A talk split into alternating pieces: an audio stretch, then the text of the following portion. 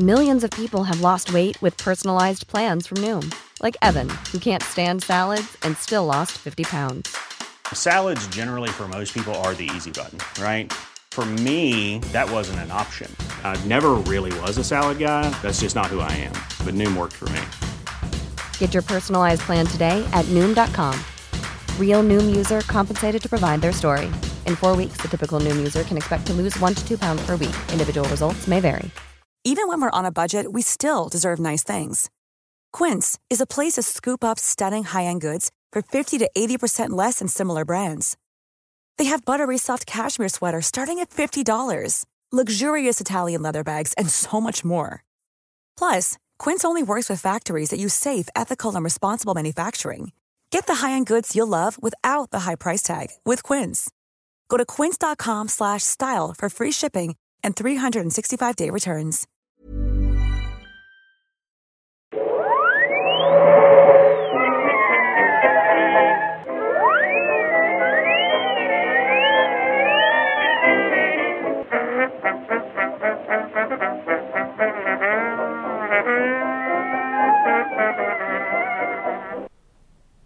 Det var en gång en ung prins som levde i ett glänsande slott långt bort i fjärran land. Trots att han ägde allt han kunde begära var prinsen bortskämd, självisk och elak. Men så en vinternatt kom en gammal tiggarkvinna till slottet och erbjöd honom en vacker ros i utbyte mot att komma in i värmen.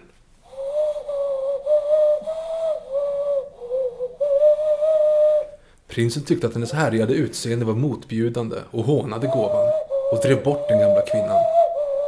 Hon varnade honom att inte låta luras av ett utseende, för skönheten finns inom oss. Då han avvisade den andra gången förvandlades den fula gumman till en underskön förtrollerska. Prinsen försökte då be om förlåtelse. Men det var för sent, för hon hade sett att det inte fanns någon kärlek i hans hjärta. Som straff förvandlade hon honom till ett odjur och förvandlade slottet och alla som levde där. Rosen han hade fått var verkligen en förtrollad ros som skulle blomma ända till hans 21-årsdag. Om han kunde lära sig att älska en annan människa och även vinna hennes kärlek innan det sista kronbladet föll skulle förtrollningen brytas. Om inte var han dömd att bli ett odjur i evig tid. Pling! Då börjar det i stort sett bara. Nej, jag kan inte... Nej, det var bra ändå. Jag tycker ändå att du fick till den där. Ja, nästan. Får man göra det ljudet med händerna som är väldigt eh, fint. Ja, Det är svårt att beskriva i... Och du formar händerna som en liten Ja, sån man- här... Precis. Det var, partytrick när man var 12. Ja, det och... ehm, det här att man kunde se separera fingrarna. Det här är verkligen inte poddmaterial. Men du vet, man kan dra sig fingrarna Ja, så så skulle man spela Bamse. till Bamse. låten. Ja, vi kan lägga upp det på Instagram sen hur det ser ut. Det är väldigt imponerande. Det är väldigt, Ja. väldigt. Hej! Och välkomna till Nörden och jag. Det är jag som är nörden, Fabian Lander. Och det är jag som är jag, Viktor Engberg. Det här är podcasten i samarbete med Acast där vi pratar nördämnen och nördkultur i slags bildande syfte där jag försöker bilda Viktor i saker han tycker om men inte vet så mycket om. Just så är det. Och, och idag är nog ganska så här klassiskt avsnitt på ett vis. Jag tror vi ändå är hyfsat jämna på, på visdomen. Jag kanske kan lite mer men... Jag ju inte säga att jag kan någonting om det, men jag har ju sett filmjäveln rätt mycket. Ja, eh, vi ska ju såklart prata Skönheten och odjuret för att eh, ja, det, det är i luften just nu. Det, remaken kommer nu. Vi lever i en värld, Victor, där vi såg en film som nu är remakad. I och för sig, i, i denna remake-kultur så är det väl inte första gången. Alltså det har ju hänt ganska mycket. Det var ju jobbigare med Spider-Man ska jag säga. För det känns som att det var en ny film. Ja, men det var ju verkligen, alltså, hur många år var det mellan dem? Alltså, det kan inte varit många. Ja men den, eh, vad är det? Spider-Man 3 kommer 2007 va? Och Amazing Spider-Man kom typ 2012. Ja, 2011. Eller 12. 13. Alltså någonting sånt där. tror jag. Mm. Alltså det, det var ju Väldigt väl. snabbt. Väldigt snabbt. Men nu är man ju, alltså det här är ju, vi är ju såhär nostalgigenerationen. Yes. Det är ju det är oss det här är för, till för. Vi Liksom. bakåtsträvarna, yes. Ja, så att nu kan vi liksom, nu, vi, pack, vi tar samma film, paketerar om det liksom med Mm. Eh, ett CGI-lager på allt. Och sen så trycker vi ut en gång till. Ja, det här, är, det här är ju Disneys försök att reclaima det de inte äger. Det är en ganska bra grej, för det, det här pratar vi också om i Disney-avsnittet. Anledningen till att vi hade vårt Disney-avsnitt nu för nästan två år sedan. Mm. Ja, shit. säg det inte. Eh, vi behöver inte bli nostalgiska po- mot den här podden i alla fall, för så är det länge sedan. Nej. Men vi gjorde Disney-avsnittet då eh, för två år sedan på grund av att eh, Cinderella kom ut då. Mm. Och det är ju helt enkelt så att eftersom det egentligen grundar sig i gamla sagor, eftersom Disney från första början tog, ja men det är enkelt för det är ingen copyright på de här, de här kan vi ta Mm. ändå. Eh, så måste de liksom claima dem och de har ju fortsatt med det. Ja, precis. För det finns ju ingenting som säger att ett annat filmbolag kan ta de här storyna och göra dem till sina egna. För det är ju det som Disney lyckades göra.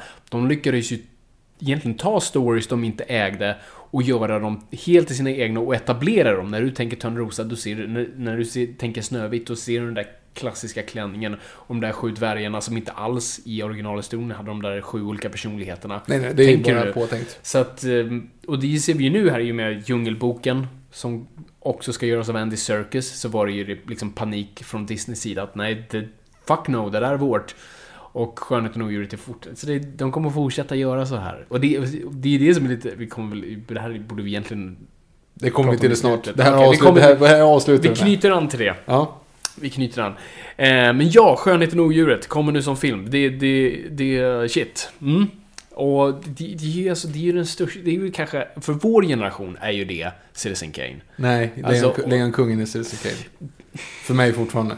Jo, ja, men det känns som så här, när man pratar med många känns det så jo, Lejonkungen var king när du var liten. Mhm. Och det håller jag med om, alltså, det var det definitivt. Men sen när man blev äldre och såg tillbaka på den sen, fan, då Skönheten och odjuret som film är den man på något sätt värderar högre.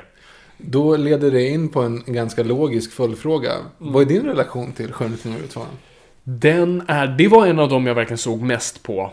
Eh, och det, det var en sån där klassisk, du vet när du totalt förfärad av någonting men du kan inte låta bli att titta bort. Du vet när det, när det var någonting eh, läskigt på TV så du bytte kanal fram och tillbaka. För att så här, jag vågar inte, jag byter till nästa, men du klickar tillbaka ändå. Eh, och vår TV, hade ingen fjärrkontroll så man var tvungen att gå fram till TVn och trycka på knapparna. Så gammal är jag. Ehm, så var det lite med Skönheten och odjuret. Jag tyckte den var otroligt obehaglig, för jag har ju pratat mycket om eh, nyckel till min eh, allmänna rädsla är ju motvillig transformering. Body horror. Body horror. Klarar inte. Och jag tror den här cementerar.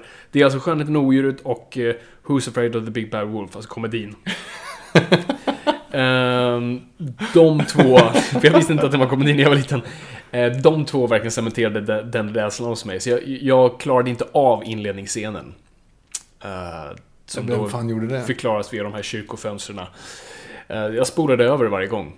Jag, jag tror under flera år så såg jag inte den i inledningen. Mm. Bara, det, var, det var så fort du satte på VSen bara spola, spola, spola, spola, spola. Till, och med tittade inte ens liksom på, på, på det liksom. Så att ja, nej men jag älskar den verkligen. Ja, med en fascination av att tycka det var otroligt. För det är en obehaglig film överlag. Vi kan komma in på, på det mer, hur man känner, ja, men det är min relation till den. Jag hade några, jag hade odjuret i sin lilla ehm, kostym när han dansar. Det var en kär leksak jag hade. Eh, och McDonalds-leksaken, jag hade Lumière, jag tror man kunde trycka på. Så ly- lyste hans Mhm. eld. Ja. Nej, Jag har lite samma relation faktiskt. För att jag, jag vet att det här var en av de filmer som jag kollade minst på. Just för att jag inte vågade se introt. Introt är bland det värsta. Alltså jag kan fortfarande, jag tittar på det idag och drog på mig på hörlurar liksom. Och bara så här. Nu ska jag verkligen sätta mig framför och se den liksom i HD. Du vet, jag får fortfarande creeps. Och det är inte läskigt. Idag så är det inte läskigt. Jag kan inte ens... Alltså det får man nästan komma ihåg framöver så här, mot, när man ska tänka sig in i, i barns psyken. För att jag kan inte alls se att det här är läskigt idag egentligen. Alltså det borde inte vara det här som är läskigt i och med att det är kyrkfönster och sådana saker. Ja. Men det är på ett sånt psykologiskt plan så att alltså jag... Det var, det var det värsta jag kunde tänka mig. Ja, nej, men för jag tror vad det gör, alltså vad barn är väldigt duktiga på, det är projicera. Eh, vi är väldigt dåliga på metaforer, så att man läser in för mycket grejer. Eh, så jag tror, i de här kyrkfönstersekvenserna, för de inte talar ett klart språk om reaktioner och känslor, så bara läste du in det mest horribla du kunde göra eh, i det. Jag tror det är därför den liksom slog så pass hårt. Mm. Nej, jag, jag vet att jag tyckte att det var hur obehagligt som helst. Och så vet jag att jag tycker att slutet var jätteobehagligt. Alltså när de... Transformeringen? På, nej, det... Men de håller på att klättra Slagsmålet. på... Ja, slåss. Eh, och det var läskigt. Så då, det tyckte jag inte heller om. Så jag började- jag har sett typ mitten av filmen ganska mycket. Men att det är så mycket läskiga sekvenser då som jag liksom Ja, men hela i. filmen tycker jag har en, har en viss ton av... Ja, vi kommer in, vi kan prata mer om filmen när vi, Vi kommer in på det. Men Fabian, hur började allting? Hur börjar det? Alltså Skönheten och odjuret är ju en, typ en av de äldsta sagorna vi känner till. Eh, I alla fall liksom på, i, i, vi säger modern tid, men vi snackar två, eller 2000, 1000-talet, kan man säga. Ehm, det är innan bröderna Grimm börjar liksom vandra omkring i Europa och plocka de här folksagorna som, som finns i Europa. Den här är byggt på en fransk saga från mitten på, på eh, 1700-talet. Så man, det, det diskuteras lite om vad den grundar sig i. Det finns en målning Tydligen. Eh, Jag vet inte om det stämmer eller inte, men jag har sett den målningen, men jag tror det, så jag tror det stämmer. Det finns en målning på vad som ser ut att vara ett odjur klädd i väldigt ståtliga kläder. Vad det liknar är, du vet, kommer du ihåg när man kollade typ på trean när man var liten och det var alla de här outsiders och Fast innan nästan den titeln, det var där, ofta så här freakshow program Ja, som jo. visar så här, den här personen har bara tre armar. De här grejer. Så det, fanns, och det som ofta dök upp var de här personerna som hade håriga ansikten. De såg ut som valrovar. just det. Ja. Du kommer ihåg det? Och det är ju ett genetiskt problem, eller fel. Mm. Eh, och det är det man misstänker att den här målningen Mhm. visar en person med det genetiska felet. Och det finns en myt runt den där, att det var, de hittade den här personen, han var del av sådana här freakshows på 1600-talet typ. Eh, en eh, slottsherre fick honom som present, för det så man gjorde på den tiden. Eh, han ville se om den här personen var eh, ett djur eller människa, så han började skola den här unga pojken som visade sig vara rätt smart och han skolade den tills att den blev en, en gentleman och eh, tog in honom. Och sen, eh, och var en gentleman och bildad så var det tvungen att ha en fru, så då, var, då gjorde man ett tvångsgifte då en eh, ung flicka fick gifta sig med honom då. Emot sin vilja, men tydligen så fick de typ sju barn tillsammans och de levde sen lyckliga alla sina dagar. Så att det sägs att det byggs på den här målningen då. Eh, som, det ser lite obehagligt ut när man väl ser den. Men eh, sagan kommer då från en person som heter eh, Jean, Jean, Jean. Eh, Jag tror att det kommer mycket franskt. Jean-Marie Le Prince de Beaumont. Jag hade en anteckning för det där ska jag säga. Jag, jag, jag försöker inte lura någon att jag tog den där från... Nej, men jag tror att det kommer mycket franskt idag. Så att jag tror att vi får ha lite överseende med, med vårt, vårt uttal. Jag läste franska i... Nu måste jag tänka hur länge jag läste franska. Fem år. Jag, Och jag kan inte ett ord idag. jag läste franska mellan fyran och, vad blir det, fyran och sexan. Mm. Och det jag kan få ut är fortfarande Le Cheval, et la gauche, de la table. Mm. Som är alltså hästen till vänster om bordet. Och det är fortfarande det enda jag kan. Mm. Det är typ samma Jag kan jag, papillon, ja just det, papillon. Je m'appelle. Ja, Det hade jag fan glömt bort. Men du kan säga papillon, la papillon, le filmen papillon. hette den. Ja, just det. Eh, la gauche, la table. Och jag säger dessutom typ fel. Jag säger typ fjäril, vänsterbord. Alltså ja, det, precis. det är det jag kommer ihåg. Yes. Så, så ha överseende, eh, franska lyssnare. la Ehm, Moulin Rouge. Nej men så, så det är då skrivet av henne och, och, och den här storyn, det har gjorts många tolkningar genom åren så man vet aldrig vilken version som är korrekt och sådär. Men, men originalstoryn är då en, en gammal man som, eh, som har sex barn, jag tror tre söner, tre döttrar, eh, drar iväg till någon sån här handelsmässa eller handelsblä. Eh, och alla hans barn är bortskämda skitungar och ber honom ta med någonting. Så eh, alla ber antingen om fina kläder eller smycken eller vad som helst. Men så finns det då den här, eh, den, jag tror den yngsta flickan som bara nämns som Beauty. Eh, hon har ingen namn. Hon önskar sig bara en ros. Så han fixar alla de här grejerna på den där mässan och sen på vägen hem då så tänker jag, ah shit, just det, jag måste plocka en ros. Han ser en stor herrgård, han har en fin trädgård och eh, han plockar en ros. Men ack, det skulle han inte ha gjort för där står ett odjur bakom honom. Da, da, da. Precis. Eh, Ej, du rör inte mina rosor. Eh, säger han. Och eh, hotar med att fängsla honom helt enkelt. Men farsan säger, eh, du, kan, kan, kan du ta min dotter istället? För jag är en sån schysst farsa. Det översätts inte li, riktigt lika bra i barnfilm, just den där lilla twisten där. Nej, Dina föräldrar kommer sälja dig om de behöver. Precis, för din farsa är en skurk. Eh, Odjur säger eh, fine, ta hit henne. Eh, så, så den unga Beauty då får bli, eftersom hon är ändå inte så populär i familjen, alla, alla syskon hatar henne för hon är så jävla präktig och fin och snäll och sånt där. Bara anekdot, jag tycker att det är lite kul att du säger att hon bara heter Beauty. Ja, För det är en fransk saga, eller hur? Ja. Ja, så vad blir det? Belle. Ja, Belle. Mm, Ja. Hon heter ju Bell.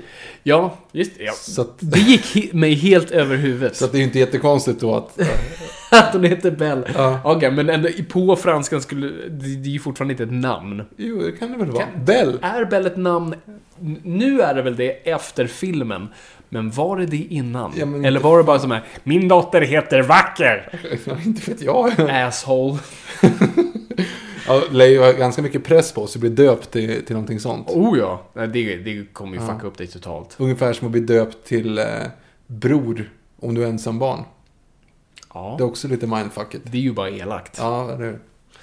Ehm, ja, okej. Bortsett från hennes namn då. Be- vi kallar henne Bell då. Mm. Vi säger Bell. Ehm, ja, så hon tas då till odjuret mot sin vilja.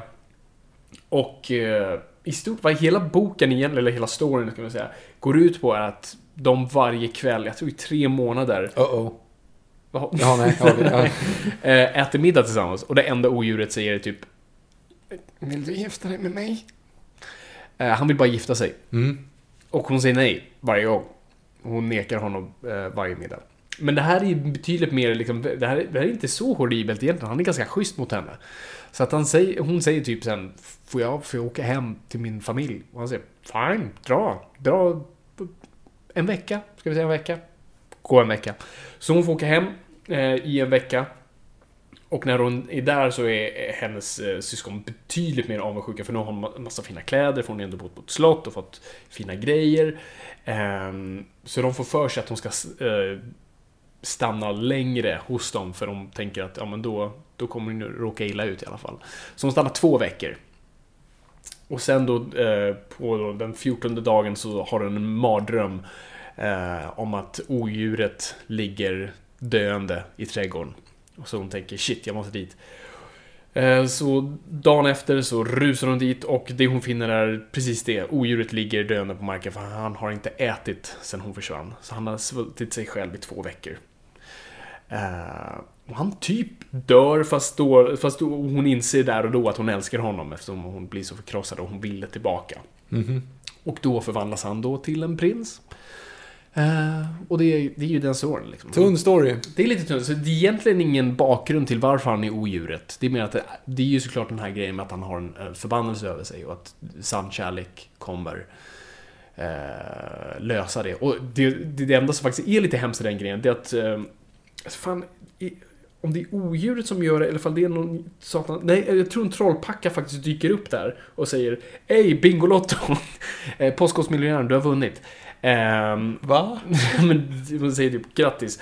Ehm, och, och säger liksom bra, nu får ni gifta er. Eh, och som också en liten belöning, du, dina syskon var inte så jävla schyssta. Så att jag tänker göra dem till statyer. Eh, så de får stå här i er trädgård och för evigt se på er lyckliga.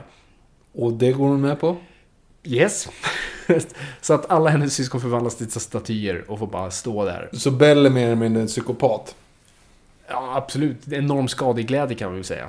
Ja. Offra sina syskon för att de retas med henne. Undrar hur många som hade liksom rykt på den egentligen då. Jo, precis. Så vad är, vad är liksom lärdomen av den här historien? Jo pojkar, om, hur spelar ingen roll hur fula ni är, ge flickorna fina saker och tjata länge nog Tjata så kommer de bli kära. Det är ungefär det. Ja, det finns ingen och, riktig... och lämnar de er, svält er själva, de kommer komma tillbaka. de kommer tycka synd om dig.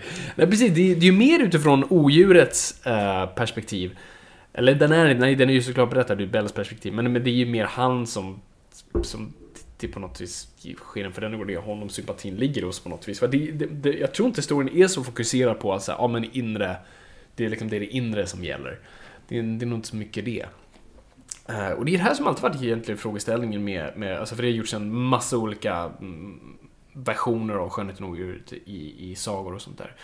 Eh, och det är ju en svår grej för att odjuret är ju mest intressant, eller skulle vara mest intressant som karaktär för att han genomgår en faktisk förändring.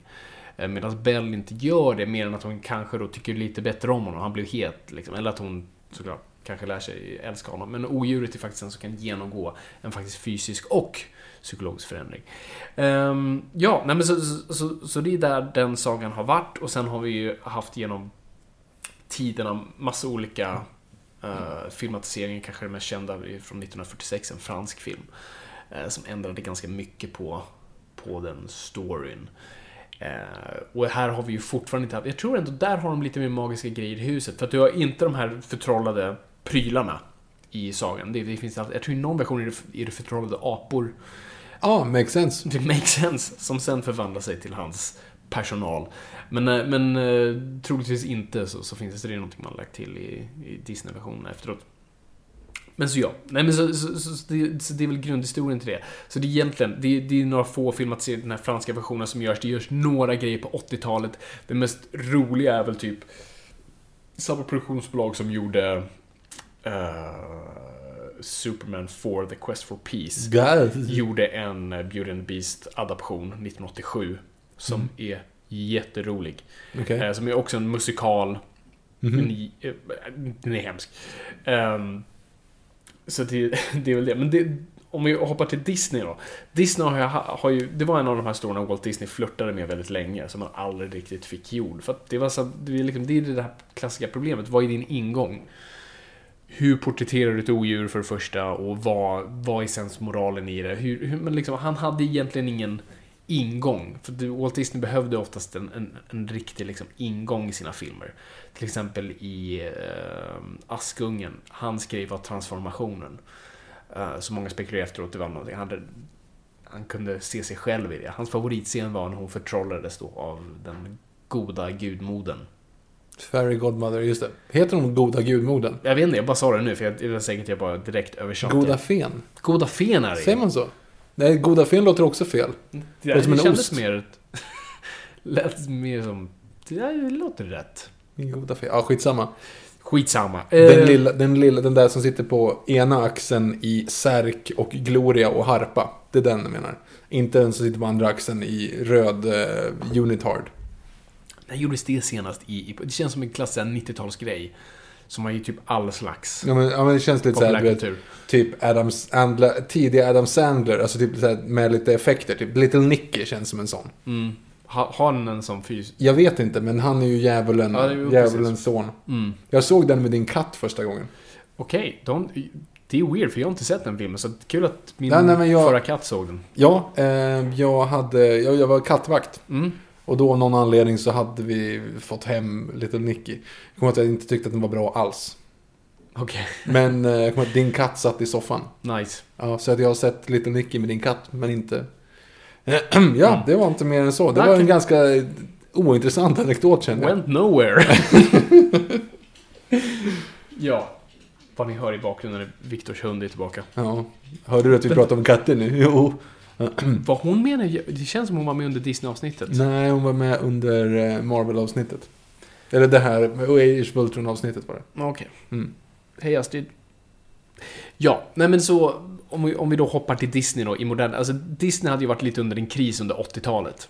Ja, The Dark Ages. The Dark Ages, alltså Oliver och gänget. Och magiska Eh, kitteln. Och den magiska kitteln. Bernard Bianca. Bernard och Bianca och Basil Mus. Ja. Alltså, det var inte dåliga filmer så, men det var liksom, Disney kände inte att de var hemma. Och Disney hade fokuserat mer, mer på live action nu. De hade velat träda in lite mer i Hollywood. Så man hade gjort, man fokuserade på ganska låg budget med eh, stjärnor som hade ha, sina glansdagar bakom sig. Och för att ge dem en revival så fick man liksom ingång på det. Så det för att, alltså det här var också under alltså de gamla studiomänniskorna började försvinna. Alltså Walt Disney var ju död sedan länge och nu var det väl hans son som, som drev studion. Och man visste inte vad, vad, liksom, hur man skulle föra in Disney. För att det, det var ju inte, alltså, det var inte ekonomiskt försvarbart att liksom tillbringa fem år på en film. En tecknad film. Utan du var ju tvungen att, att göra mer. Så man hade testat, och också den gamla generationen av animatörer hade ju försvunnit nu. Alltså de riktigt gamla veteranerna som hade varit med så pass länge. De var ju väldigt unga när de började, som hade varit med väldigt länge. Så på 80-talet började de bytas ut mot ett riktigt ungt gäng. Så att de liksom tränade nästan med de här filmerna. Och testade nya tekniker och bara liksom landade hos Disney. Men det var en känsla av att, att man ville återföra, liksom komma tillbaka till, till Disneys glansdagar. Så då var det kanske den viktigaste personen i, i, i det här var en snubbe som heter Jeffrey Katzenberg. Som var en pr- producent och liksom studioman. Som bara gjort live action-filmer, hade ingen, ingen erfarenhet. Så hans första möte med Walt Disneys son eh, så sa sonen då, för jag har glömt bort vad han heter. Eh, Disney kanske. han hette Disney någonting. Eh, så han liksom, kollade på det där huset, det där är animationshuset, det där är ditt problem nu. Lös det, det här är liksom ditt fokus nu, du måste fixa det. Så då var det ju tanken att återinföra egentligen, gå tillbaka till vad Disney gjorde förut. Vad var det Disney var bäst på förut? Animerade långfilmer med djur i huvudrollen. Nej. jag bara gissar, ingen aning. Ja, långfilmer, animerade långfilmer. Disney-prinsessor. Aha, jag vet inte riktigt vad du fiskade efter. Ja, det du precis föreslog var det som var The Dark Ages. Ja, just det, det är faktiskt sant. Bara men- djur i huvudrollerna. Ja, just det. Och även, men det kom ju en Dark Ages 2.0 också där tidigt 2000-tal med Kogänget och Bolt. Ehm, Ja, just det. Också djur i huvudrollerna. Ja, sen har du i och för sig Zootropolis nu också. Ja, Hitta Nemo innan dess också. Så det Ja, också lite så jo men absolut, det har ju funnits det. Bambi. Ja, det. Eh, det är ju inte första gången. Men, eh, men nu vill man tillbaka lite såhär Disney-prinsessor. Så första försöket var ju då... Titta, va? va? Vilken tänker du är den första? Jag, ska sluta kasta dig men då bollar. för, vänta, jag förstår inte. Okej, förlåt, första- första Disneyprinsessan? Ja. Snövit. I revivalen här. Disney-prinsessorna 2.0. Okej, det är Lilla Sjöjungfrun. Jaha, men hon, jo, hon är fan en prinsessa. Det är hon nu. Det är hon. hon Ja, är tillbaka. Tritons dotter. Kung Triton, just det. Yes. Ehm, och det var en stor succé. Och det var alltså, både animationsmässigt och kritikmässigt och framförallt merchandise nu hade klivit in på en helt ny nivå. Happy Meal. Happy Meals, precis. Eh, det hade gått jättebra. Och framförallt också, egentligen en större milstolpe för animationssnubbarna var Roger Rabbit. Eh, för där har de verkligen fått träna sina muskler och det hade varit liksom, det hade gett dem en helt ny uppmärksamhet. Och framförallt kapital, att nu liksom animation kanske är stort igen. Så att nästa försök var då ganska uppenbart då eh, Skönheten och odjuret ville man testa. För att det var, det var en story som hade legat länge, det var många som hade försökt, men det hade varit en, en svår grej att göra. Och ännu en gång, hur fan, vad fan är ingången på Skönheten och odjuret? Är det odjurets story eller är det Bells story? Och då måste man nog göra om den ganska mycket. Eh, du får inte ha statyer som står och tittar på lyckliga människor. Ja, det är lite mörkt. Det är lite mörkt. Så man anställde först en, en så riktigt klassisk eh, brittisk regissör. Jag kommer inte ihåg om det var han som hade gjort eh, Lilla Sjöjungfrun, för jag minns inte. Nej, men så, så, de gick hur som helst med honom, de åkte till London, började där, storyboardade och skrev manuset, kom jävligt långt, liksom började med simpel animation. Men det var mer en ganska liksom... Det var franskt 1800-tal, betydligt mörkare, alltså var väldigt... En helt annan ton, och det var en brittisk mans syn på Frankrike, vilket aldrig är en positiv grej. Maurice, baguetterna, skynda! För att om det är någonting fransmän hatar mer än nazister så är det fransmän.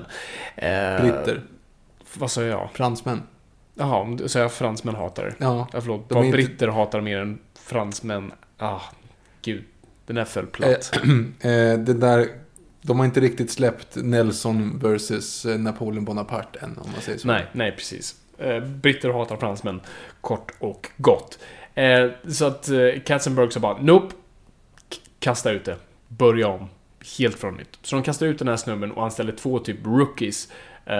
Gary eh, Truesdale, något sånt där, och Kirk Wise.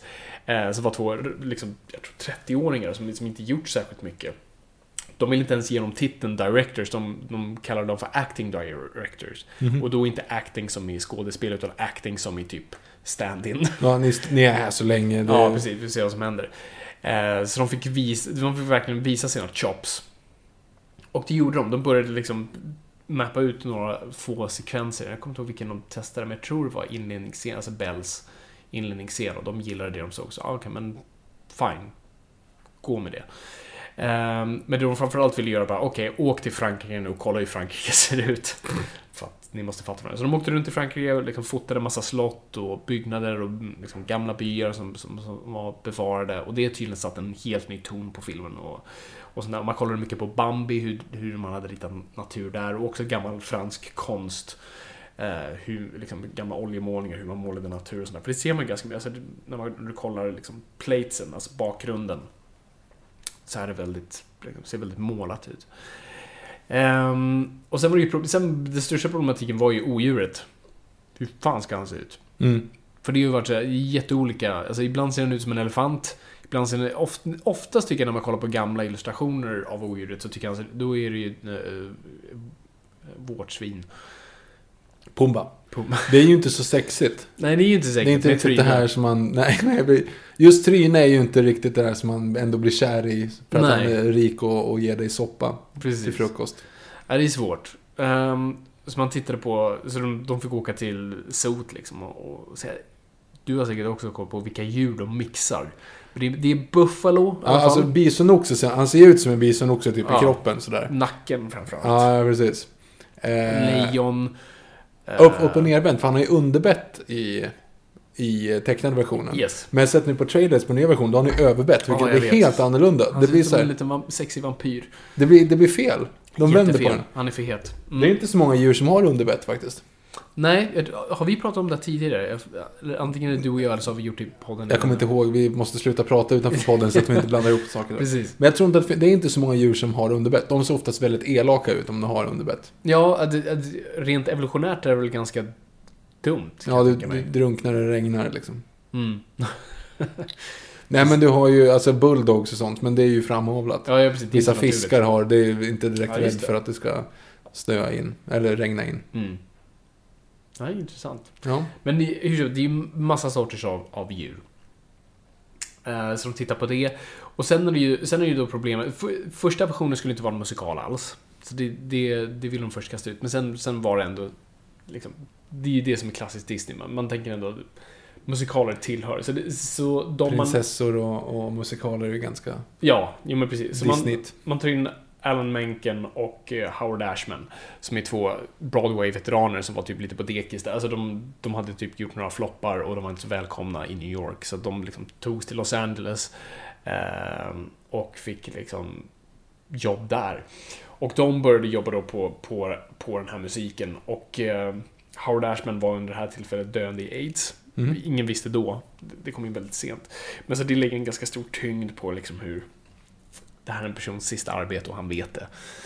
Eh, Man tar in manusförfattare, vilket också är en svår grej här. Alltså det här man måste förstå med, alltså, animation är en svår grej när det kommer till manus. Ehm, och särskilt när filmen kom. För det här var också den första Disney-filmen som jobbade utifrån ett manus nästan. För att Disney var ju väldigt känd för att inte jobba via manus. Vi pratade om det i Disney-avsnittet. Men Mm. han, han utgick ju från en storyboard approach. Där han och hans animatörer bara egentligen pratade genom storyn och agerade ut den tillsammans.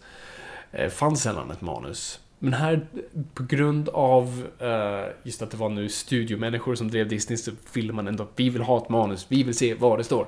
Eh, så en person som heter eh, Linda Wolverton fick då uppdrag att skriva manus och hon hade inte alls eh, mycket erfarenhet av animation. Så hon clashade jättemycket med animatörerna som var jättevana vid att vara med och göra storyn själva. Så hon skrev saker, lämnade in det, fick se storyboarden och bara det där var inte alls det jag skrev, vad fan håller ni på med?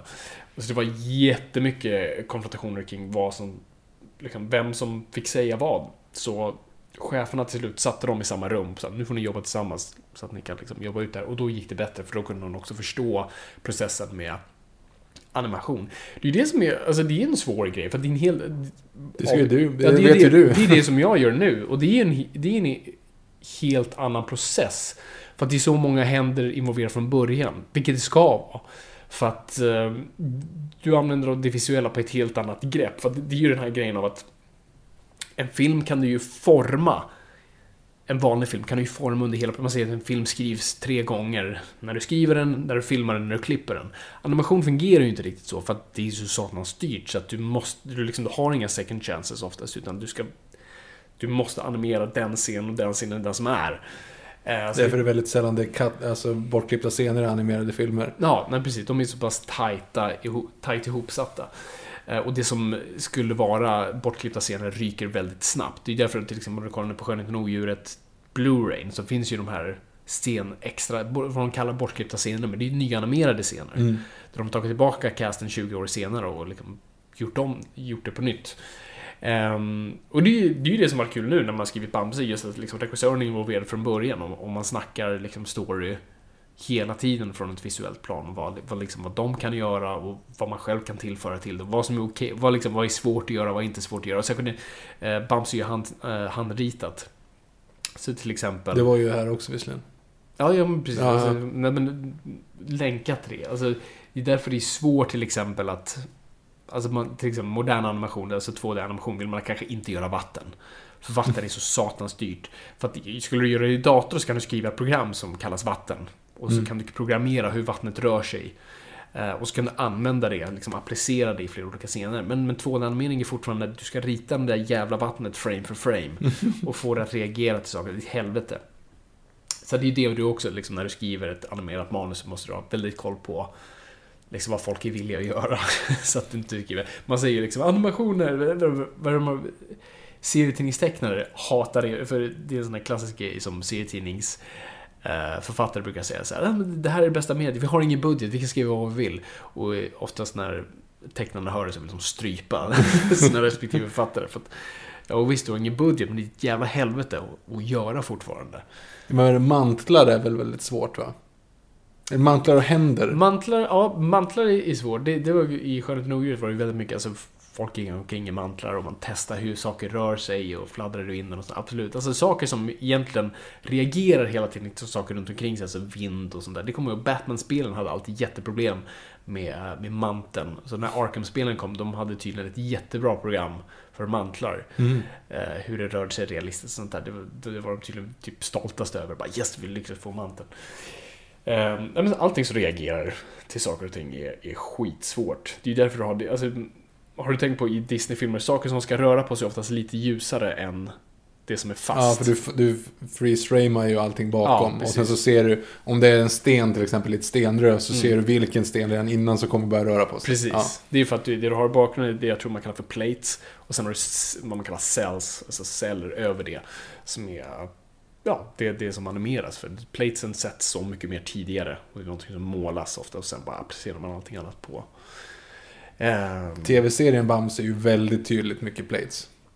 Ja, gud ja. Alltså de det, den från ju bara. 70-talet. Ja, det är ju bara en bakgrund liksom. och sen så rör sig typ en hand så här. Eller bara en mun. Mm. Lite fram och tillbaka. Och man återanvänder gärna, samma- gärna samma bilder. Ja, ja precis. Om och om igen. Hurra! Hurra! Eh, nej, Bamse TV-serien är väldigt roligt att titta på. Särskilt jag var ju tvungen att se så jävla många så att det- man, man fattade ganska snabbt. För när man såg dem spritt när man var liten också, när man var liten, man tänkte inte på det, men när man såg dem liksom ihoptryckt så började man se ganska snabbt eh, hur de gjorde, alltså vad, vad de var tvungna att göra liksom. Sju minuter av varje 15 minuters avsnitt var en jaktscen. Och precis, en, rulla, en rullande bakgrund En rullande bakgrund. Mm. Det, var, det var liksom det man gjorde. Mm. Det, det sparade tid och pengar. Och det fyllde ut avsnittet. Men ja, det är inte Bamse vi pratar om. Uh, ja, nej, men så, så manusarbetet var, var lite svårt. Uh, men sen när sångerna började landa och liksom scener, jag tror vargsekvensen var, var satt ganska tidigt. Uh, nej, men så började saker falla på plats. Och de började inse vad de hade. För att det är ju så, när du är i en sån där process och särskilt en sån här stressfull process. Den här fick ju hälften av tiden än vad en vanlig film fick. På grund av att för det första de hade drygt mocka, liksom början av sin tid på det här som inte blev av. Eh, så de hade nu mindre än två år på sig. Man brukar få fyra. Så det var väldigt stressfyllt.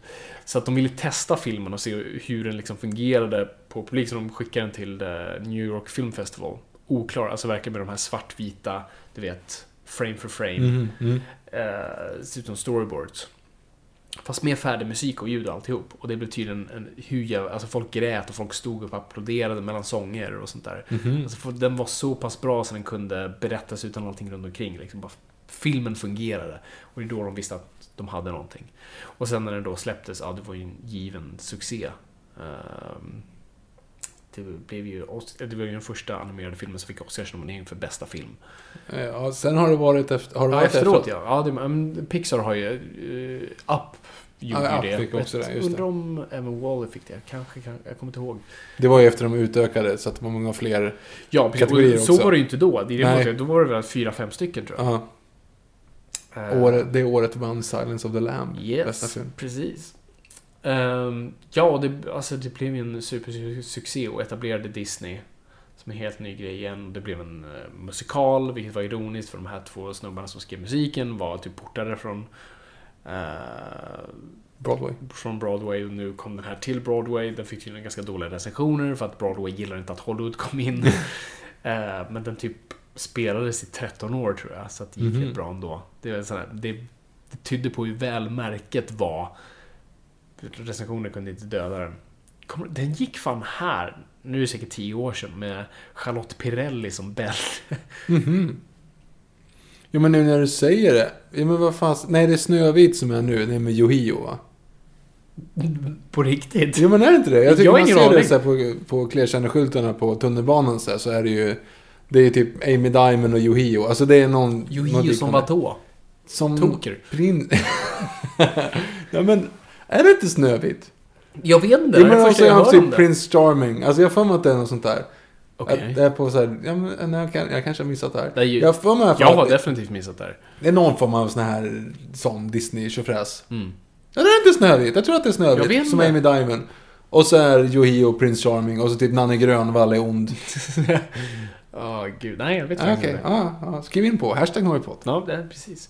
Ehm, ja, ska vi prata om den? Vi har sett om den. Ja! Separat dock. Jag kollar svenska, du kollar engelska. Jag kollar engelska bara för att jag inte har gjort det förut.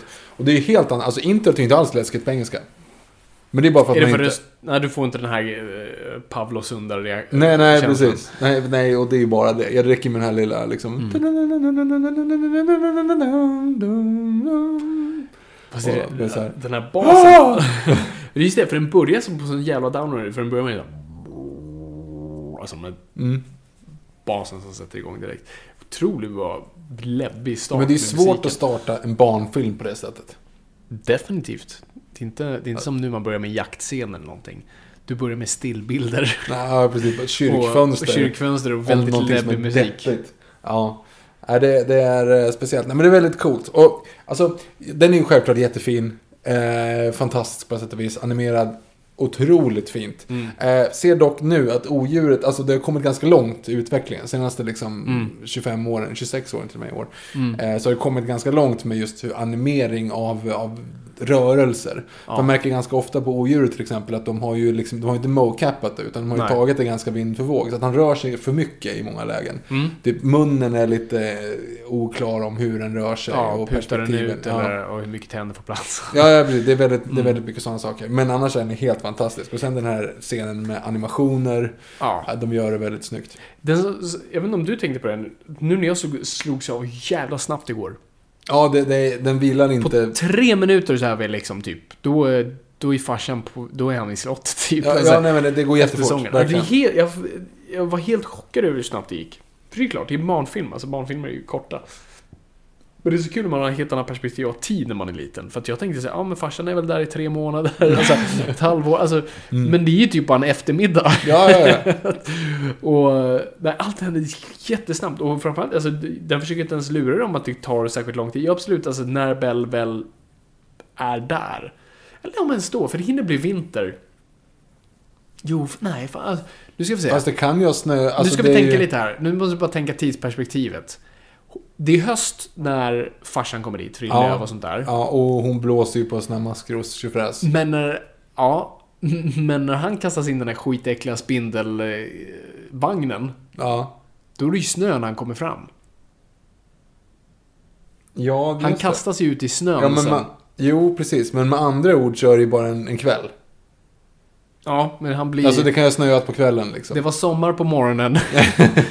Höst på eftermiddagen. Snön på natten. Ja, för, man ser, för sen alltså när du ser Gastons låt och det här och Mm. bandet när de ska fria Ja. till Bell och sådana saker. Då är det ju typ sommar. Eller Ja, alla, åtminstone Gastons sång är ju på, eh, är ju på vintern. Men absolut, frieriet är på sommaren. Mm. Det, är ju, det växlar lite grann där. Mm. Nej, verkligen.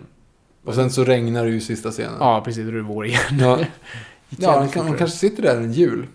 Alltså okej, den, är jätte, den är jättefin. Sången är fantastiska. Mm. Eh, men man ska ju inte börja syna plotten alltså. Tänker du på så här plotthål och grejer, eller vadå? Överhuvudtaget. Det finns väldigt mycket saker som är väldigt konstigt. Ja, det är ju, ja, alltså det är ju väldigt, alltså, framförallt jag tror bara odjurets motivation. Det, det är som att det är Guds lag att någon måste fängslas. Precis. För att han, för det här är ju inte, här har de ju inte den biten att han tog någonting.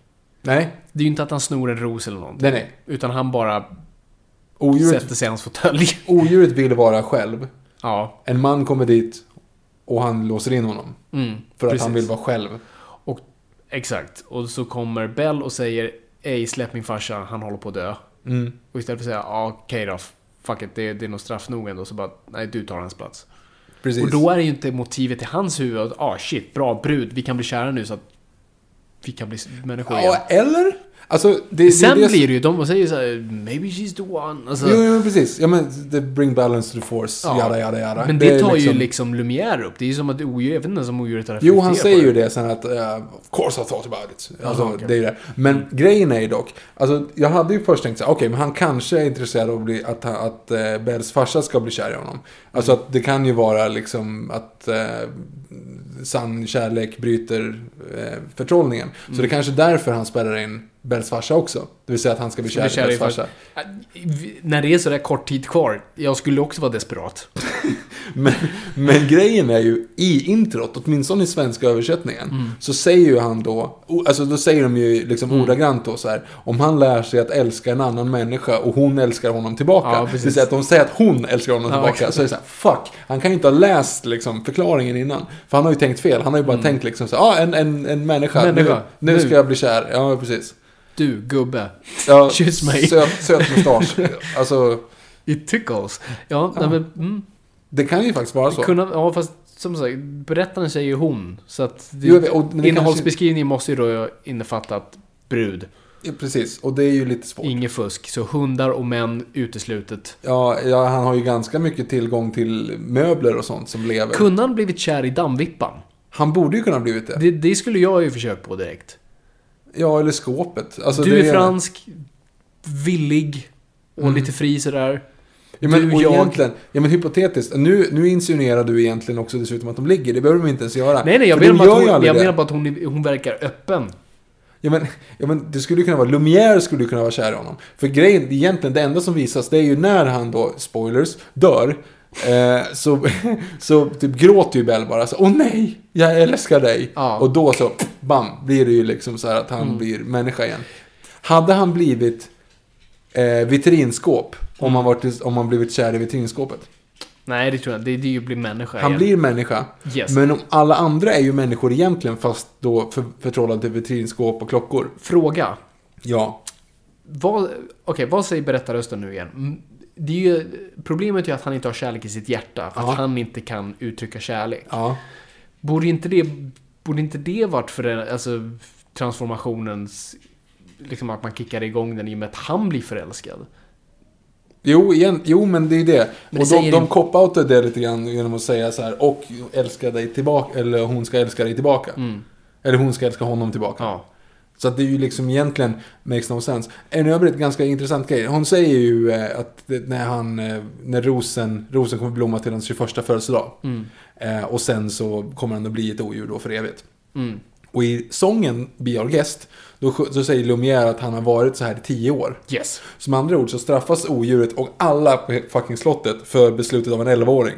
Yes. 11-åringen sa i stort sett bara eh, Mamma sa att jag inte får prata med främlingar. Tyvärr, jag kan inte ta... De sa att jag inte ska ta emot något. Jag, det kan vara god om du, du kanske har en skåpbil där bak. Jag vet inte. Ja, men kan du tänka dig, alltså fatta vad hårt det där är, för det är ganska väluppfostrat ändå. Tänk dig, tänk dig själv, om du är Jag hade 11 gjort år, samma sak. du är 11 år, det kommer någon och knackar på dörren och säger så här, Hej, får jag sova hemma hos dig? Ta den här presenten så får du sova. Och du säger nej. Och så jo, kom här lilla pojken här nu, nu ska du få en ros av mig. Och du säger nej. Och de säger F you och så förstör de ditt liv. Exakt. Och alla du känner. Du kan, du kan ju inte bestraffa en 11-åring för egentligen ett ganska rationellt beslut. Eller hur? Och väl framförallt liksom- ett äh, bestraffa en 11-åring som går ut över andra vuxna människor som hade absolut ingenting att göra. Det är inte föräldrarna, utan det är liksom betjänterna. Det är kocken, städerskan, tebruden, Tebruden, är det, menar du tekoppen nu? te, tekannan. Tekannan. Hur många barn Miss har hon? Hundra. Alltså, Alltså om du ser- kollar in i skåpet. Yes, det är jättemånga. miljarders. Tänkte säga, det är det inte. Men det är 15. 15 Ja, koppar. Minst. När de häller ner, jag tänkte på det nu, när de, när de häller te på dem när de blir invasion i slottet, Ja. då har de sju. Okej. Då har de sju koppar. Men när man kollar in i, så här, in i skåpet, chip. Mm. Och då var det så här, vänta, det är ju hur många barn som helst där. Är alla hennes? Jag vet inte. Och framförallt, varför favoriserar de bara chip i så fall? Det är bara Chip som var där ute. Mm. Är det något fel på Chip eftersom han har en reva i eh, Han har ju porslinet? chip, liksom. Ja. Så att absolut, jag, jag försökte så att jag tänkte på det, så, ja men hon liksom ändå vill vara snäll mot honom för han är ju deformerad.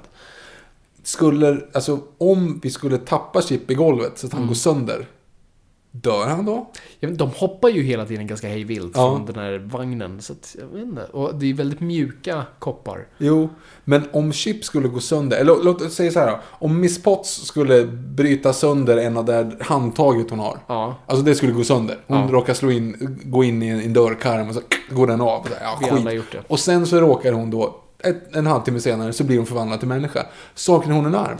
Ja, då kommer det ju bara gorsa ut blod. Det, bo, det borde ju vara det liksom. Och Chip borde ju hypotetiskt då när han, var, alltså när han blir en pojke igen så borde han ha ett liksom...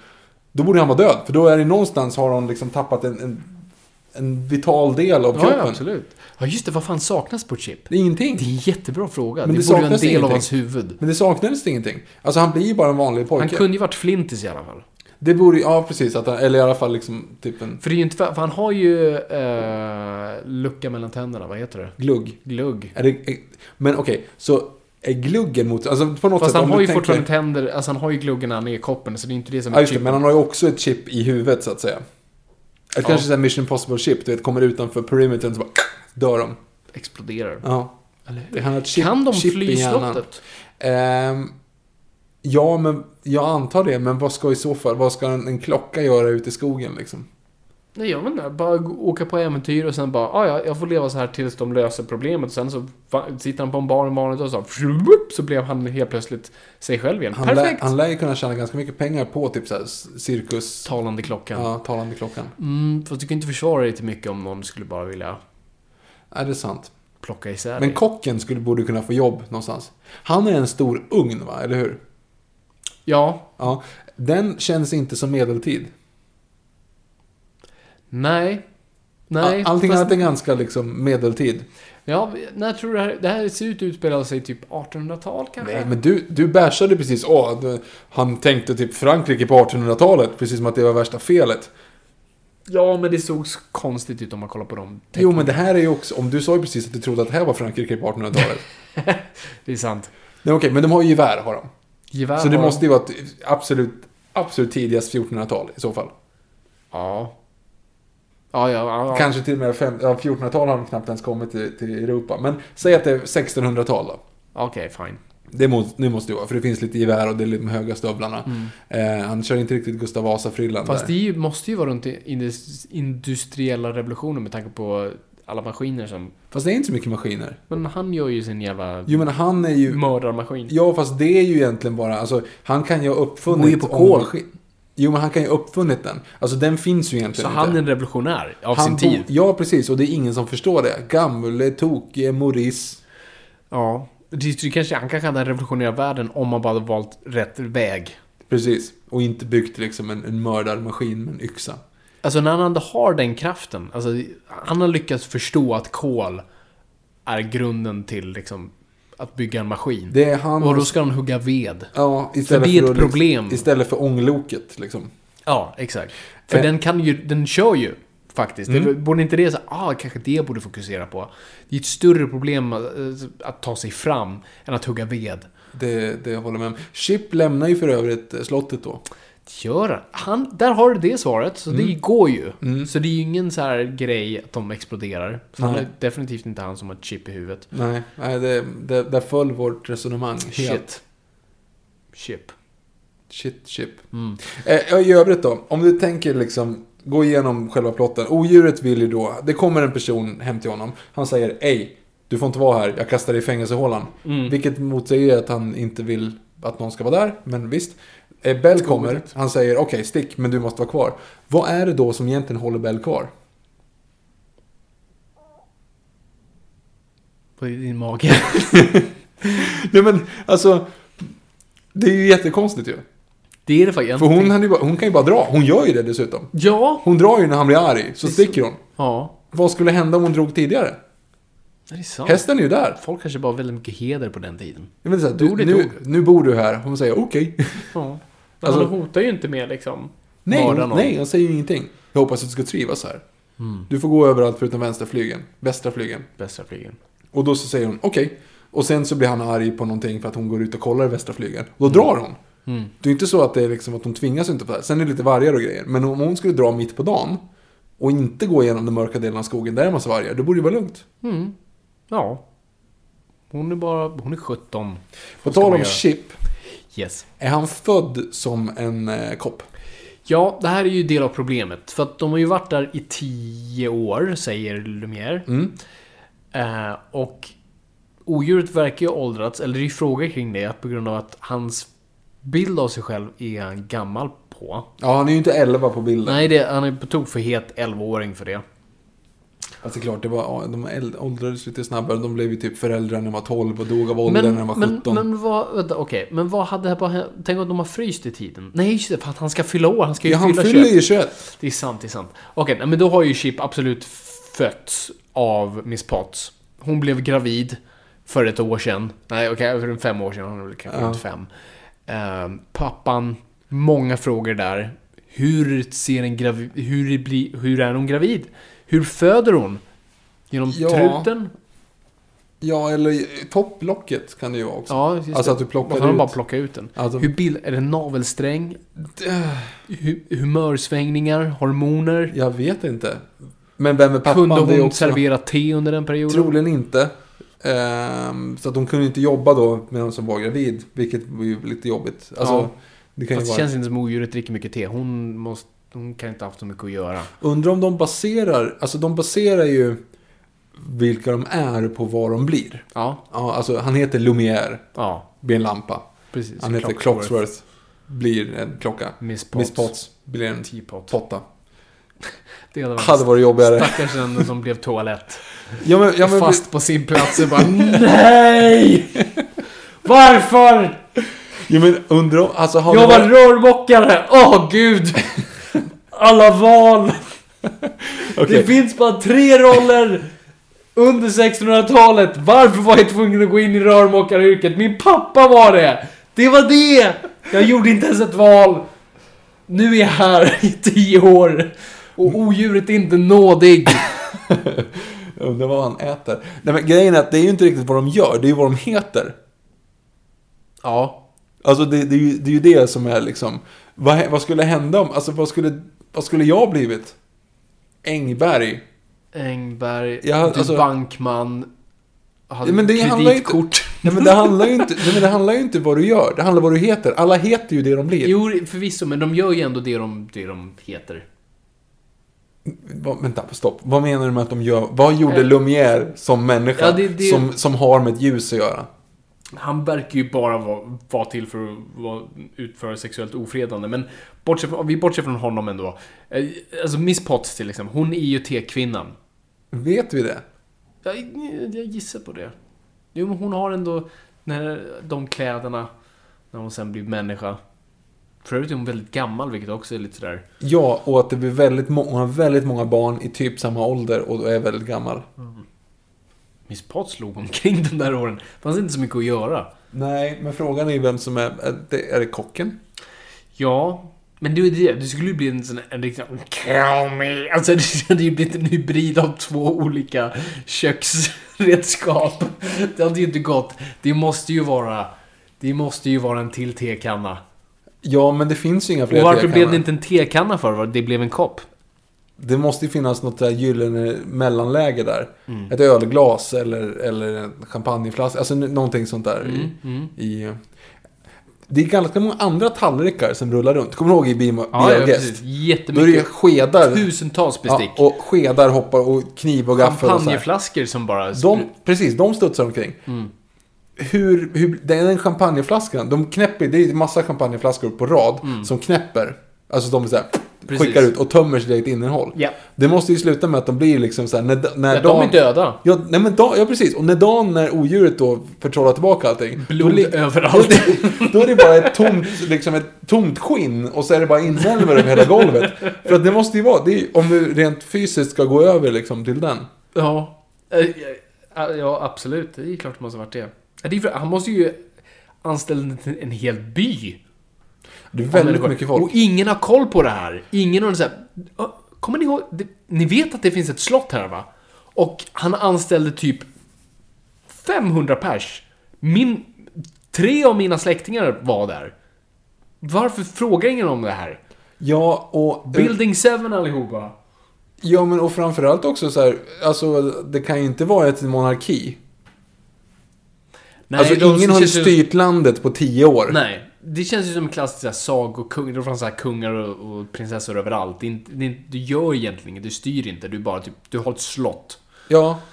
Så Jo, men du mer- säger, han säger att han är prins. Ja, jo, absolut. Så, men det kan ju inte vara ett, någon form av styre överhuvudtaget. Nej. En monarkiskt styre, för då hade ju landet gått åt helvete. Liksom. Vår regent är ett, ett hårigt odjur. Men det kanske var den Insert franska... funny joke here. Förlåt. Vi kan inte göra någonting, vår regent är ett, ett hårigt odjur. Och då skulle du säga precis som i, och så kommer på någonting bra. Jag hade inget bra. Nej, jag kommer inte heller på något bra. Det var därför, men det hade varit kul om man sagt någonting snabbt. Mm. Vil, vilken är rolig? Jag skulle inte sagt odjur, jag skulle sagt en, ett bortskämd, en bortskämd skitunge som bara håller sig för sig själv och har en helt egen världsuppfattning i ett fantasislott med sina egna kompisar. Jon Guillou. Nej, Kim Jong-Il tänkte jag Okej, säga. då. sorry. Ja. Det, hade, för det hade varit kul. Så vi säger om den här nu. Eh, det kan inte varit en monarki, Fabian, wink wink, Mhm. eftersom de borde ju, landet borde reagera på att de bara, dens regent är en, en eh, underutvecklad eh, 11-åring som lever omkring på sitt eget lilla fantasislott med sina fantasikompisar. Som Jan Guillou. Nej! Kim Jong-Un! Kim Jong-Un. Sorry. Ja. Ja, okej. Men vad händer om det har varit franska revolutionen? Så han är en prins men han har ingen makt längre. Missade giljotinen. Fast de borde ju ha plockat, alltså nej, för ett mycket äldre slott. Om du tänker liksom under den här per- perioden, liksom, där är Versailles, det är lite mer liksom platta, runda. Mm. Eh, ungefär som Stockholms slott. Det är den typen av slott. Ja. Det här är ju mer ett liksom gammalt medeltidsslott egentligen. Ja. Eh, vilket säger emot lite grann i och med att vi precis placerar på 1600-talet. Men, men du förstår principen. Mm. Vad skulle du göra om en tant ringde på din dörr idag? Alltså på riktigt verkligen. En, en gammal tant ringer på din dörr och säger Hej, får jag sova här i natt? I utbyte har jag en ros. Skulle du våga? Skulle du våga säga nej? Eh, eh, alltså... Jag... Det, inte säga så här, det, det, är inte, det har inte hänt.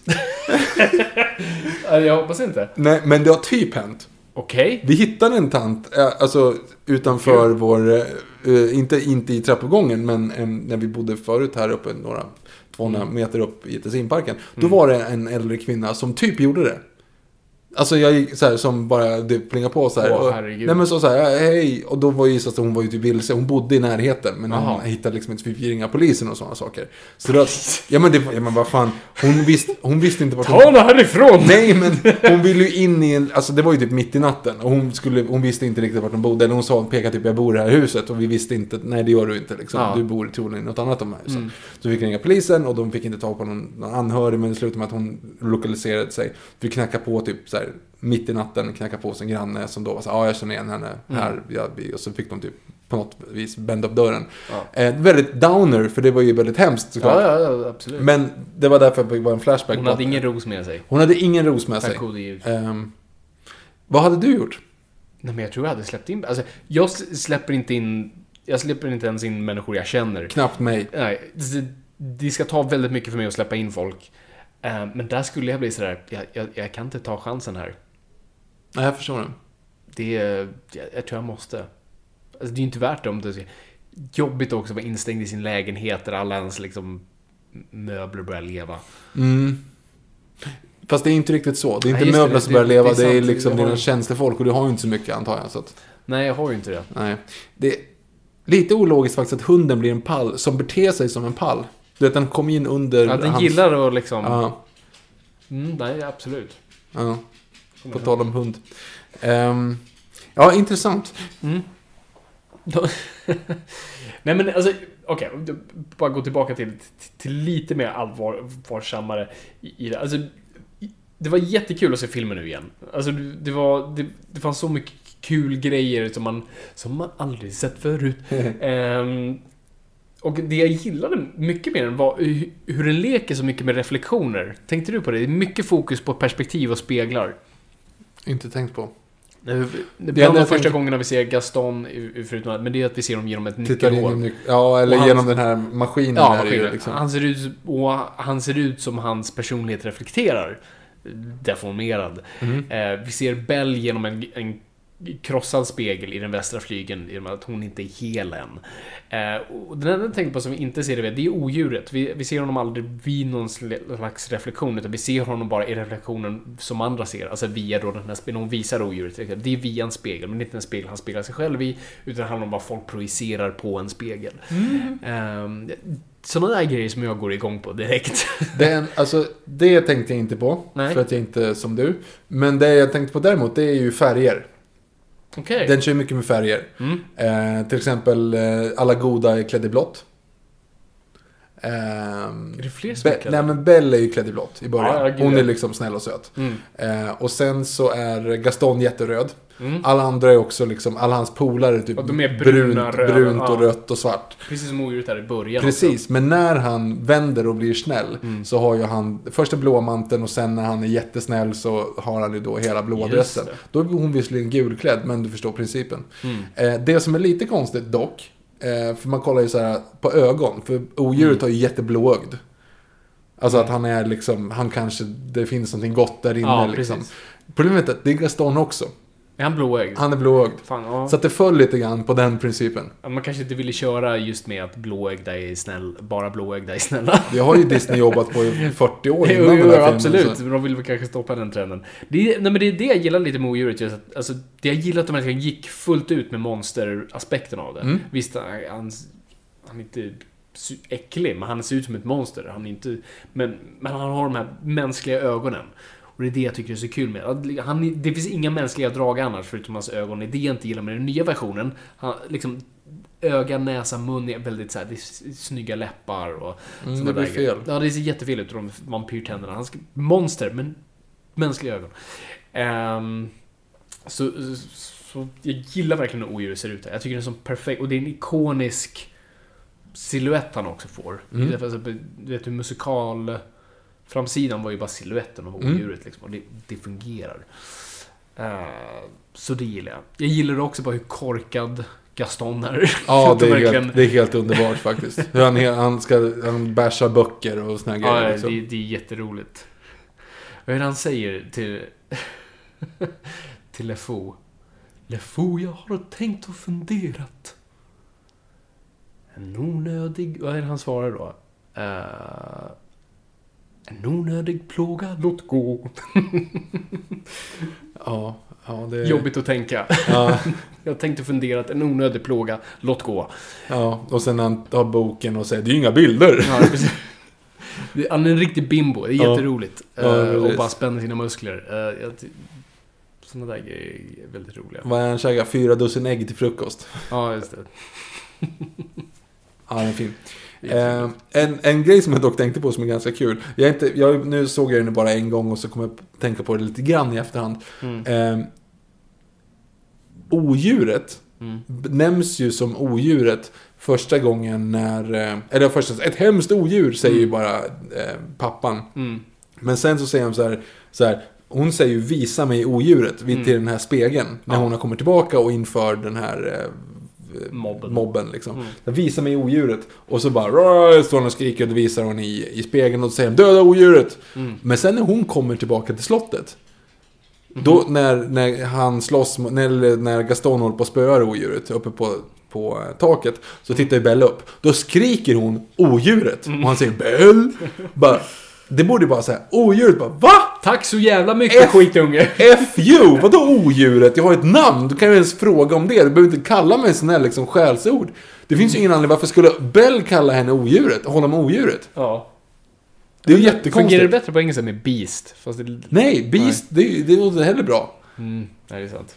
Hmm. Ja, det, är, det är lite sorgligt. Hans namn, hans namn nämns ju aldrig. Nej. Hans riktiga namn. Och jag tror inte produktionen ens hade ett... De, de kallar honom bara för Beast. Beast och eller- Prince tror Ja, jag, de- när han blir prinsen. Så att... eh, Jag vet inte vad den officiella, vad hans officiella namn är. Nej, jag tror inte att de hade någonting i så fall om de Nej. hade liksom sånt. Mm. Det är inte så att de baserar det på någon riktig prins direkt. Nej. Men här är alltså, Belle är nog min favorit Disney-prinsessa. Alltså hon var den andra i leden av mer, istället för reaktionella som de andra prinsessorna var. Så det var ju väldigt mycket saker händer runt omkring dem och de ska reagera på det. Alltså Snövit är kanske praktexempel på det där. Hon bara, liksom saker Dri, att hon drivs inte av någonting, så saker, hon leds överallt eller puttas någonstans. Det är ungefär som James Bond i Goldfinger. Ehm, eller Skyfall. Ehm, vilket är tråkigt, men... men eh, Only Twice, samma sak va? nej, Eller det är någon till när han verkligen bara går omkring och är efter. Alla Roger Moore-filmer. Eh, ja, jo, jo i och för sig. Han bara hittar folk som redan har dött. Alltså precis Ja, det. ihjäl- ihjälstuckna eller så här. Ja, fan, You Only Live Twice är nära. Jo, faktiskt. Det är väldigt mycket sånt där. Men det känns som det kanske finns... Och så har ni kvar. tur. Eftersom han ska bli giftmördad men råkar vända sig i sömnen. Det är ju Så jävla bara... mycket tur. Alltid. Han är en Disneyprinsessa. Ja. Ehm, ja, nej, men så, så Lilla Sjöjungfrun var ju den första, som- hon var ju en utforskare, hon ville någonstans. Eh, och här har vi också Bell, och det är det jag gillar med dem. Det här är kanske den bästa romansen, för båda är motvilliga från början. Det är inte att en vill och den andra vill inte. Den andra vill och den andra vill inte. Utan det är att båda vill inte. Mhm. Men båda finner varandra. Så det är, det är en fin konsensus där av att båda växer till att börja gilla varandra. Så det är inte att den ena försöker övertala den andra. Eller tvinga den andra. Utan det är sån här... Jag gillar det. Något som jag tycker är lite sött, alltså för att den får ju väldigt mycket kritik. Det är mycket folk som tycker så här, ja nu i efterhand så kan man tänka, ja han är ful, man är rik, då blir han kär. Alltså Ja. hela den principen. Men jag tänkte på det, den här scenen när han visar biblioteket. Mm. Han gör ju inte det för att imponera. Nej. Alltså det är inte det det handlar om, utan han tror att hon kommer tycka att det här blir Ja, kul. precis. Det är en ganska, det är en skillnad i den faktiskt. Ja, ja, alltså så man tänker liksom som att eh, han, är, han, är, han är rik och mutar henne att bli kär. Liksom, ain't saying she's a gold digger. Men, eh, men det är ju faktiskt inte egentligen så. Utan Nej, han säger så här, är det här, jag tror, att jag, jag tror att du kommer tycka att det här är väldigt kul. Mm. Håll, blunda och så går Mm. vi in och kollar på biblioteket. Liksom. Mm. Ehm, Jag gillar att han är så exalterad. Ja. Det är så här, Då är det ditt! Min favoritscen, Mm. tror jag, eh, förutom låten, eh, första Bell-låten, som jag inte kommer brista ut i sång nu. Nej, är eh, är nog när man ser precis efter deras snöbollskrig, Mm. eller mitt under snöbollskriget egentligen, Ja. så ser man ju hur Clocksworks och Lumière står i fönstret och så ser man dem i bakgrunden. Mm. När de står och pratar Ja, och så går han, tippar han omkring och, och är så här liksom Tappar söt. snöbollen på sig Ja, precis. Mm. Lite så här eh, Jack Tati, men det är väldigt sött. jag mår bra av det. Ja, ja jag, det är nog min, alltså det innan det, alltså i, Mm. det, det sångnumret. Det var tydligen det också så, under produktionen som cementerade den filmen för dem. För de kände inte att de hade, liksom, se, den, man brukar, just den här nyckelscenen. Som är så här, hur, varför tycker de här inte om varandra? Och det är det som är så tacksamt med sånger, för du kan vara så jävla övertydlig med det. Du kan säga saker ingen skulle säga rakt ut. Som att man ser något sött. Och nästan rart. Han som var elak och brutal så uppenbart. Nu är han snäll. Ja, absolut. Jag undrar så vad han har gömt där förut. Hon såg på mig, visst var det så. Och fast jag rörde henne stod hon kvar ändå. Jag kan ha fel, ja absolut. Jag undrar så aldrig sett på mig så där förut. Förlåt, Gjorde fel. förlåt, förlåt! Hon har aldrig sett på mig sådär förut. Vad mamma? ja, nej, den är bra. Nej, jag kan inte gå upp i den facetten. Eh, vem hade talat om ett par och menat dem? Det är en väldigt dålig textrad faktiskt. Käften, Ingela Pling Forsman, ditt mästerverk. Just vem hade talat om ett par och menat dem. Den, Ja. den är så här, ja, jag förstår att du försöker rimma, men nej. Nej, kanske inte. Ehm, det, det är också, filmen har sådana otroligt så här, roliga detaljer tycker jag. Framförallt med ansiktsuttryck, vilket man- inte hade sett i Disney-filmer tidigare. Alltså ansiktsuttryck. Alltså, det är mycket så här, rynka på näsa, det är påsar under ögonen ibland. Det är det jag tror jag bidrog lite till det där obehagliga. Du vet, eh, eh, i Bell-numret, eh, hon som sjunger att såklart hon kallas för skönhet för det finns ingen parallell eller vad det Mm. är. Just att man ser liksom att hon är flintskallig och man ser då kallas det? Stubbs. Stubbar. Stubbar av hår. En sån grej tyckte jag var obehaglig när jag var liten. Alltså man, det liksom, man hade, om de var flintskalliga var det ett rent huvud, men det var inte små hår på dem, men det, det var det här. Så det var bara små, små Mm, väldigt, grejer. väldigt detaljrik. Ja, och här var ju också... alltså, Första Disney-filmen som, som lekte med också olika lager. Alltså, när kameran svepte över den lilla staden så rör ju sig alltså, olika bakgrunder olika mycket beroende på... För det är ju så, när du filmar så är husen längst bak, alla längst bak rör sig långsammare än husen längst fram. Eh, Och det, det lekte man med här, vilket man inte hade gjort tidigare. Det är också den första Disney-filmen med datanimationer. Och den kanske främsta scenen med det är ju i är ju balscenen, deras dans, Beauty and the Beast sången. För då var hela den salen datanimerad och de var tecknade. Så det var en stor milstolpe. Det är fint. Det förfinas ju ännu mer i Aladdin, nästa film då, nästa Disney-film när Ja, de är den, nere i grottan. ja, det, ja. den är ju nästan helt dat- datanimerad. Både Ja. liksom ingången och sen lavan. ja, precis. eh, Och liksom själva väggarna, jag vet inte om de åker igenom där. Det känns väldigt Playstation 2. Windows 95 Ja. över det. Men... eh, Ja, sen, sen är det också blivit jävla grov, alltså själva attackscenerna när de att- attackerar slottet. Framförallt vad alla jävla möbler gör. ja, de Alltså, mördar framför- människor. Hälla kokande te på någon. Har du sett hur det ser ut på en människa som får kokande vatten över sig? Jo, men han skriker ju dessutom som Ja. om han verkligen får det. Det är ju inte så att de säger ah, Nej, utan bara såhär precis. Och det där jävla vitrinskåpet hoppar ju på en människa som bara Krossar ner i marken. typ. Och sen, det blir också två skåp som slår ut två lådor. Alltså från varsin sida på huvudet. Så Mm. Ja, det typ så att krossas. huvudet verkligen går åt, här, åt varsitt håll. Ja. Massa, alltså jag vill inte veta vad.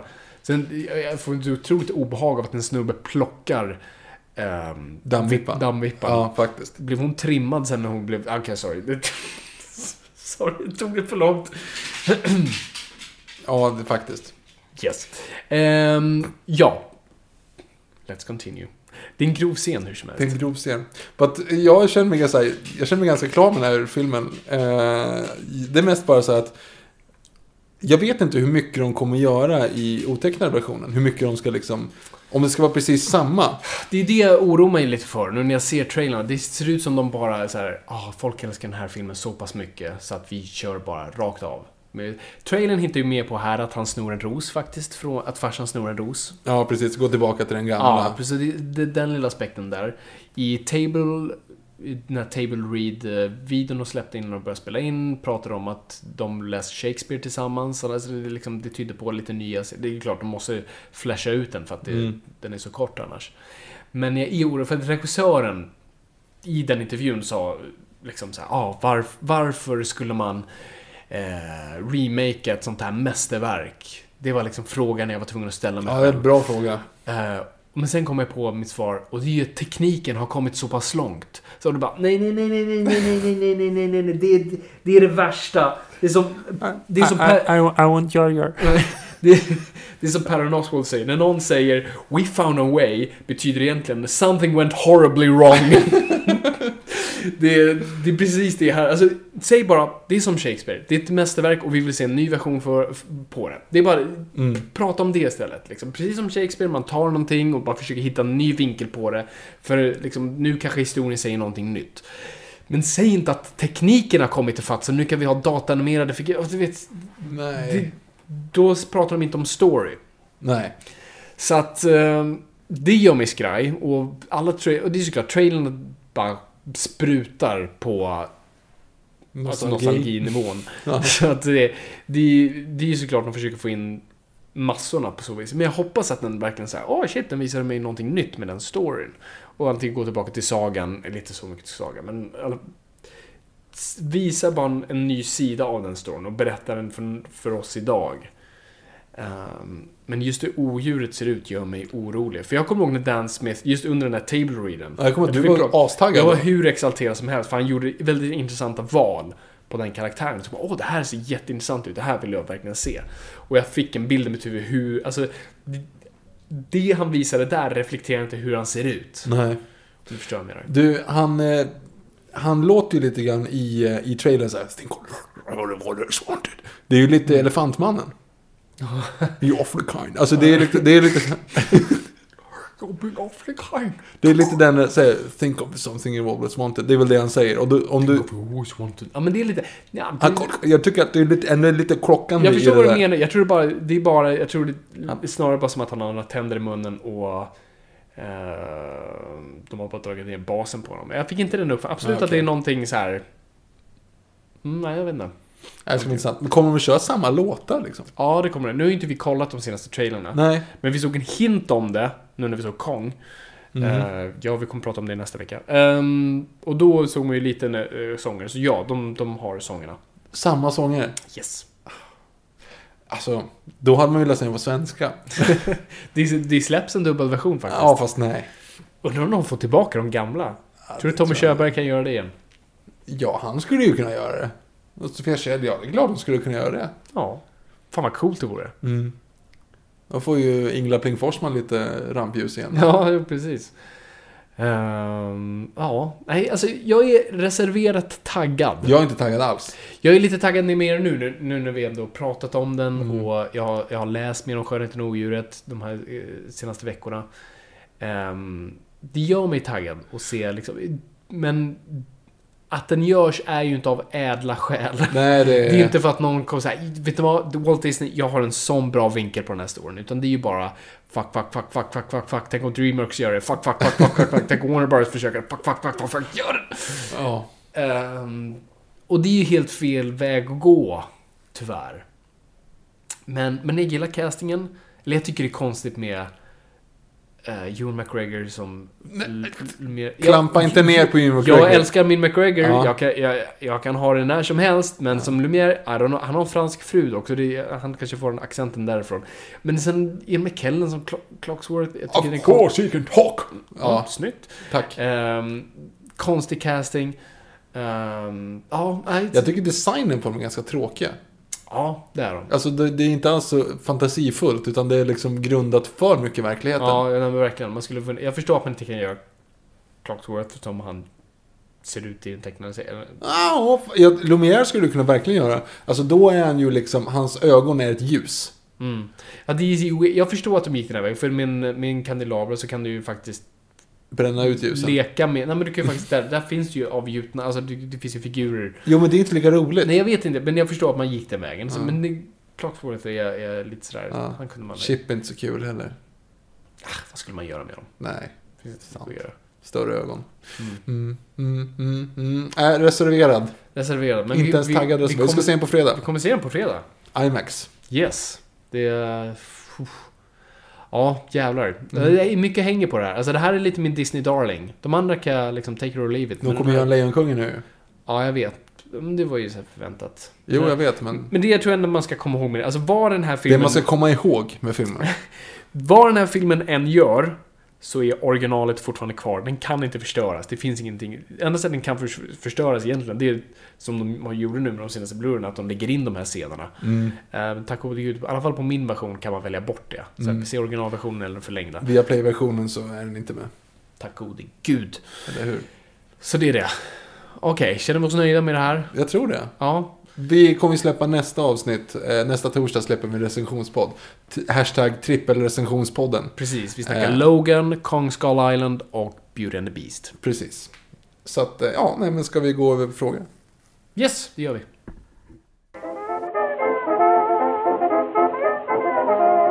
Alright, frågestund.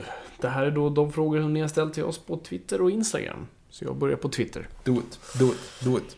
Yes. Uh, att Anton M. Karlsson, fråga till Viktor, studentkocken? Frågetecken. Studentkocken utropstecken. Eh, vi gjorde ju en webbserie, ska man inte säga. Vi gjorde tre avsnitt egentligen. Vi gjorde egentligen sex avsnitt, sen stals min dator, så tre existerar. Eh, av mig framför en kamera och du som berättar röst när jag bara lagar jätteenkla recept. Yes. Eh, För studenter. Precis, och det gjordes ju precis innan den här podden gjordes, eller hur? Måste det ju vara. Nej, ett år innan är det till och med. Shit. Ja, ja. Eh, Googla studentkocken.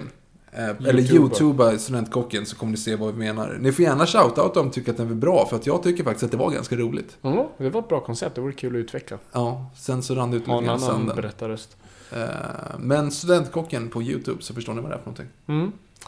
Eh, Anton M. Karlsson fortsätter. Angående att man bör gå på bio.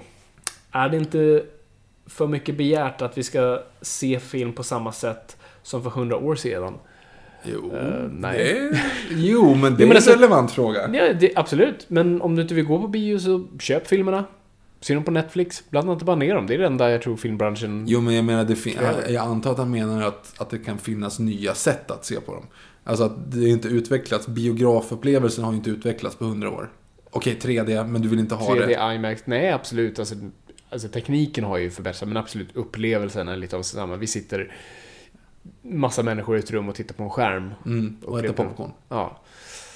Teater har funnits i flera tusentals år. Det, jag tycker inte det behöver uppda- uppdateras mycket mer. Tidningar, böcker, Ja, nej, precis. Ja, nej, det kommer ju komma nya saker såklart. Men jag tycker, jag tycker att bio är kul. Alltså tycker just den grejen att uppleva saker ihop gör ju en extra grej liksom. Ja, jo, men absolut. Du känner av en vibe som är väldigt kul. Eh, och nej, jag, jag tycker, och särskilt se typ en skräckfilm eller en komedi som funkar. Alltså det är ju väldigt kul. Alltså när man såg... Um, alltså det var så himla härligt trots att Batman vs Superman kanske inte spelade så bra. Men när Wonder Woman dyker upp och folk hurrar. Alltså man Mm. blir ju glad. Man dras in i en sån känsla. Så att, Till skillnad från Kong igår, det var väldigt dåligt faktiskt. Publik... eh, Ingen, det var ju ingenting. Nej, såhär, de- de, halvsvaga de- skratt här var... De bredvid oss pratade hela tiden. Var det så? Ja. Men jag hörde inte. Det är så kul om man... Det är alltid när man sitter på biograf att folk upplever saker olika alltid. Så här, hörde du inte de som pratar bakom? Nej, jag hörde ingenting. Men det måste ju alltid länka till vilka man direkt sitter framför, bakom, bredvid. Mm. Ja. Yes. Um, Marcus Willer... Vi, äh, at Marcus Willer, Willershausen, sorry. Ost. Eh, vet ni vilken svensk politiker som liknar Ursula från Den lilla sjöjungfrun? Om inte så återkommer jag med facit. Eh, det roliga är, här, när han sa det så bara, ja, jag vet exakt vem han menar. Vem, Vem? tänker du på? Jag, jag tänker på eh, Ylva Johansson. Ah, okej. jag- Hon ser ju exakt ut som Nej, henne! hon ser inte exakt ut som Ursula. Men jag förstår det. Tentakler och alltihop. nej, Men kort... Ja, Okej, kort hår. Ja, okej. Kort grått hår. Du får tweeta ut den där, en bild som... Hade jag rätt, fall. Willershausen? Var, var, det den, var det den du syftade på? Jag antar att han hade en, en mening med det. Att han hade en tanke bakom det. Att han visste det själv. Inte bara att han wingade liksom. Vem ser ut som Ursula? Nej, jag Ja, tror, lika han, han erbjöd ju facit. Ah, okej. Jag tänkte att han annars hade bara så här kastat ut så här, ah, vem ser ut som LeFou? Mm. Eller som Scar. Ja ja men det, det var en intressant grej. Det, det är sån här, den bara så här, man först bara va? Och sen ah, I know what you mean. Uh, vi går vidare. At Emlqvist, Marcus Lundqvist. Uh, tittar ni på något på no, tittar ni något på animerade serier som Archer, Bojack Horseman eller Rick and Morty? Någon favorit bland sådana? Eh, jag har sett en del Archer, jag tror jag har sett två säsonger, gillar det. Men jag vet inte, jag bara fastnade inte. Jag liksom gillade när jag såg det. Eh, Bojack Horseman tror jag såg en halv säsong på. Jag också säga, jag gillar det men jag fastnade inte. Och Rick and Morty har jag bara sett ett avsnitt som en vän visade och det var väl kul. Men jag har inte tid. Nej, jag, inte jag heller. Jag går ju på Seinfeld nu. Det är det enda, min lediga tid går åt Seinfeld. För Mm. Ja, att men det är komma bra. ikapp. Ja. Mm. Eh, Men du har inte sett någon av de här? Nej, jag har sett no, två, tre avsnitt Archer bara. Mm. Annars har ju South Park liksom. Ja. Och det är ju det bästa som gjorts typ. Förutom två senaste säsongerna, inte riktigt så... Men det är ju så när man skriver liksom live på så vis. Så- Nej, tvärtom. De skriver ju nu på en jättestor story istället. De, allting går in i varandra. Det var ju bättre än att köra One Trick Pony liksom per avsnitt. Ja, man måste ju ändå utvecklas efter nästan 20 år av att göra samma sak. Jo, men då gjorde de ju förut så här, Fantation Land till exempel. Mm. Imagination Land menar jag. Eh, den var ju grym. Då gjorde de ju tre avsnitt efter varandra Ja. som hörde ihop. Men sen så släppte ju det. Mm. Det var ju när terroristerna invaderade vår fantasi. Ja, precis. Det var ju helt, det var jättebra. Ja, det är, det är väldigt bra. Nej, men jag borde se mer Archer. Alltså det är ju up my alley med alltså, Bond. Bond. Det är ju Bond, så att Mm. jag måste se mer. Uh, at Iceman understreck Joe. Eh, varför är regissörer som Tarantino och Paul Thomas Anderson så envisa med att göra sina filmer så långa? Vilka böcker läser ni? Favoritbok? Ehm, ja, varför är de så långa? Beats me. Men det är ungefär som... Det är enklare att göra långa saker än korta saker. Ja, det är det. Absolut. Alltså det ser man ju bara på den här podden. Alltså egentligen, vi hade ju kunnat kortat ner det här avsnittet med 40 minuter. Säkert. Alltså det hade vi kunnat gjort lätt. Mm. Eh, men det är ju svårare. Mm. För att det är svårt att begränsa sig. Det är svårt att göra saker koncist. Därför är det typ svårare att göra eh, barnfilm. Mm. Nej men det är alltså, absolut. Alltså, Tarantino som person som har så här, final cut, kreativ makt och han får göra vad han vill. Så att jag tror bara han får gå loss, vilket han inte bör. Han bör fängslas in ibland. Men Paul Thomas Anderson tror jag ändå låt, vill, alltså han, jag tror han ändå fattar att sina, många av hans historier behöver den tiden för att berätta. Han gillar filmer som andas. Han berättar i långformat. Det är det, alltså jag tror det är lite det som folk, när de pratar om serier, så här, kolla, serier kan vara slow burn, serier kan liksom dras ut på. Men, men en serie kan inte ha en 10 minuters lång tyst sekvens som, alltså såna här scener som inte nödvändigtvis tar en någonstans på 10 minuter. Det kan fortfarande serien inte göra, för du måste fortfarande rulla storyn framåt, oavsett hur långsamt den rullar, men du måste fortfarande berätta din story. Filmer är fortfarande det enda mediet som kan berätta ganska långsamma, tysta sekvenser. Så att jag tror ändå han, han, han leker med sin berättarteknik på så vis, som är anpassad för det mediet. Skulle jag gissa. Eh, läser du någon bok, Victor? Eh, Just nu nej faktiskt. Jag har läst ut Les Misérables Mm. eh, senast och sen har jag typ inte börjat på någonting. Jag tycker att den var helt fantastisk, men jag skulle ändå säga att det typ två riktigt bra bokupplevelser Mm. är okreddigt nog Utvandrarna. Mhm. Den var grym. Eller den är grym, jag läste den två gånger. Jättebra, verkligen. Eh, cool så inåt helvete. Och sen eh, faktiskt Stephen Kings Den gröna milen. All right. Dels för att jag också gillar filmen så levde man sig lite grann in i det så. Men den var väldigt bra Mm. också. Det kanske inte är så jättekreddiga val, men... Just nu läser jag H.P. Lovecrafts Tales of Cthulhu. För lite research-syften. Eh, och det är H.P. Lovecraft, det är jättekul. Um, favoritbok. Ehm, American Gods. Säg bara. Jurassic Park så... Eh, jag tänkte på det, men Casino Royale för att jag är en tönt. Uh, jag tror Röda rummet där också. Mhm. Gillar jag väldigt mycket. Det är en sån här bok jag har läst om, vilket jag aldrig gör. Ehm, det är väl det. Mm. Strindbergs klassiker. Yes. Han kom som ett yrväder. Vilken månad, jag glömmer alltid bort det. Oktober, morgon, januari, jag har ingen morgon. aning. Januari. Han kom som ett yrväder i januari. Ja. Med ett höga näskrus kring halsen. Ja. När jag dör, låt resa en penis i röd granit och skriv hit jakit eller något sånt där. Här ligger han. Det är ju bara de här eh, citaten längs Drottninggatan.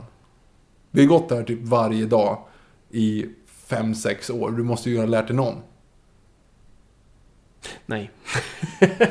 jag är dyslektiker, jag- det, det, det fastnar inte direkt. För er som inte förstod den referensen så står det en massa Strindbergs citat i, Yes. längs Drottninggatan. Och vi gick på teater eh, en gång i veckan under typ hela vår uppväxt. Och då gick vi längs Drottninggatan och typ läste dem högt. Yes.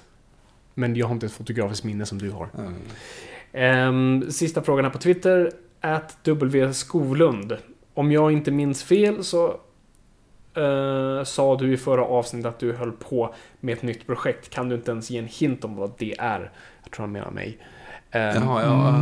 Nej, jag kan inte säga något. Jag säger Cthulhu. Eh, Men det är inte ens en säker... Ja, jag ska inte säga något. nej, gör inte det. Det är bara dumt faktiskt. Ja, faktiskt. Eh, vi går upp på Twitter. S. Severinsson. Har ni sett Assassin's Creed? Vad tyckte ni i så fall? Vi såg inte Assassin's Creed. Nope. var så jävla otaggad. Ja, faktiskt. Jag vet inte, vad hände med den? Den bara kom och gick. Ja. Jag har inte ens Nej. kollat Box Office Mojo på den. Nej, jag har inte heller kollat faktiskt. Tyvärr. Däremot så kollar jag Box Office Mojo, eller svenska versionen. Alltså jag är ju... Jag tycker väldigt mycket om statistik. Mm. Och eh, Svenska Filminstitutet släpper ju biografstatistiken Yes. varje månad. Det är ju väldigt intressant. Väldigt intressant. Kollade du 2016? Eh, nej, men eh, jag pratade med många som hade läst det och svensk, det var inte ett bra svenskt filmår om man säger så. Nej men alltså, ja nu var det ju inte... En man som heter Ove hade ju egentligen premiär 2015 då, men Mm. majoriteten av, av intäkterna drog ju på, på 2016. Ja. Men alltså totalt, sen starten, sen premiären, så alltså En man som heter Ove setts av 1,7 miljoner människor. Det är ju helt galet. Det är helt galet. Och 1,5 av dem var väl under 2016 därför Ja. de var.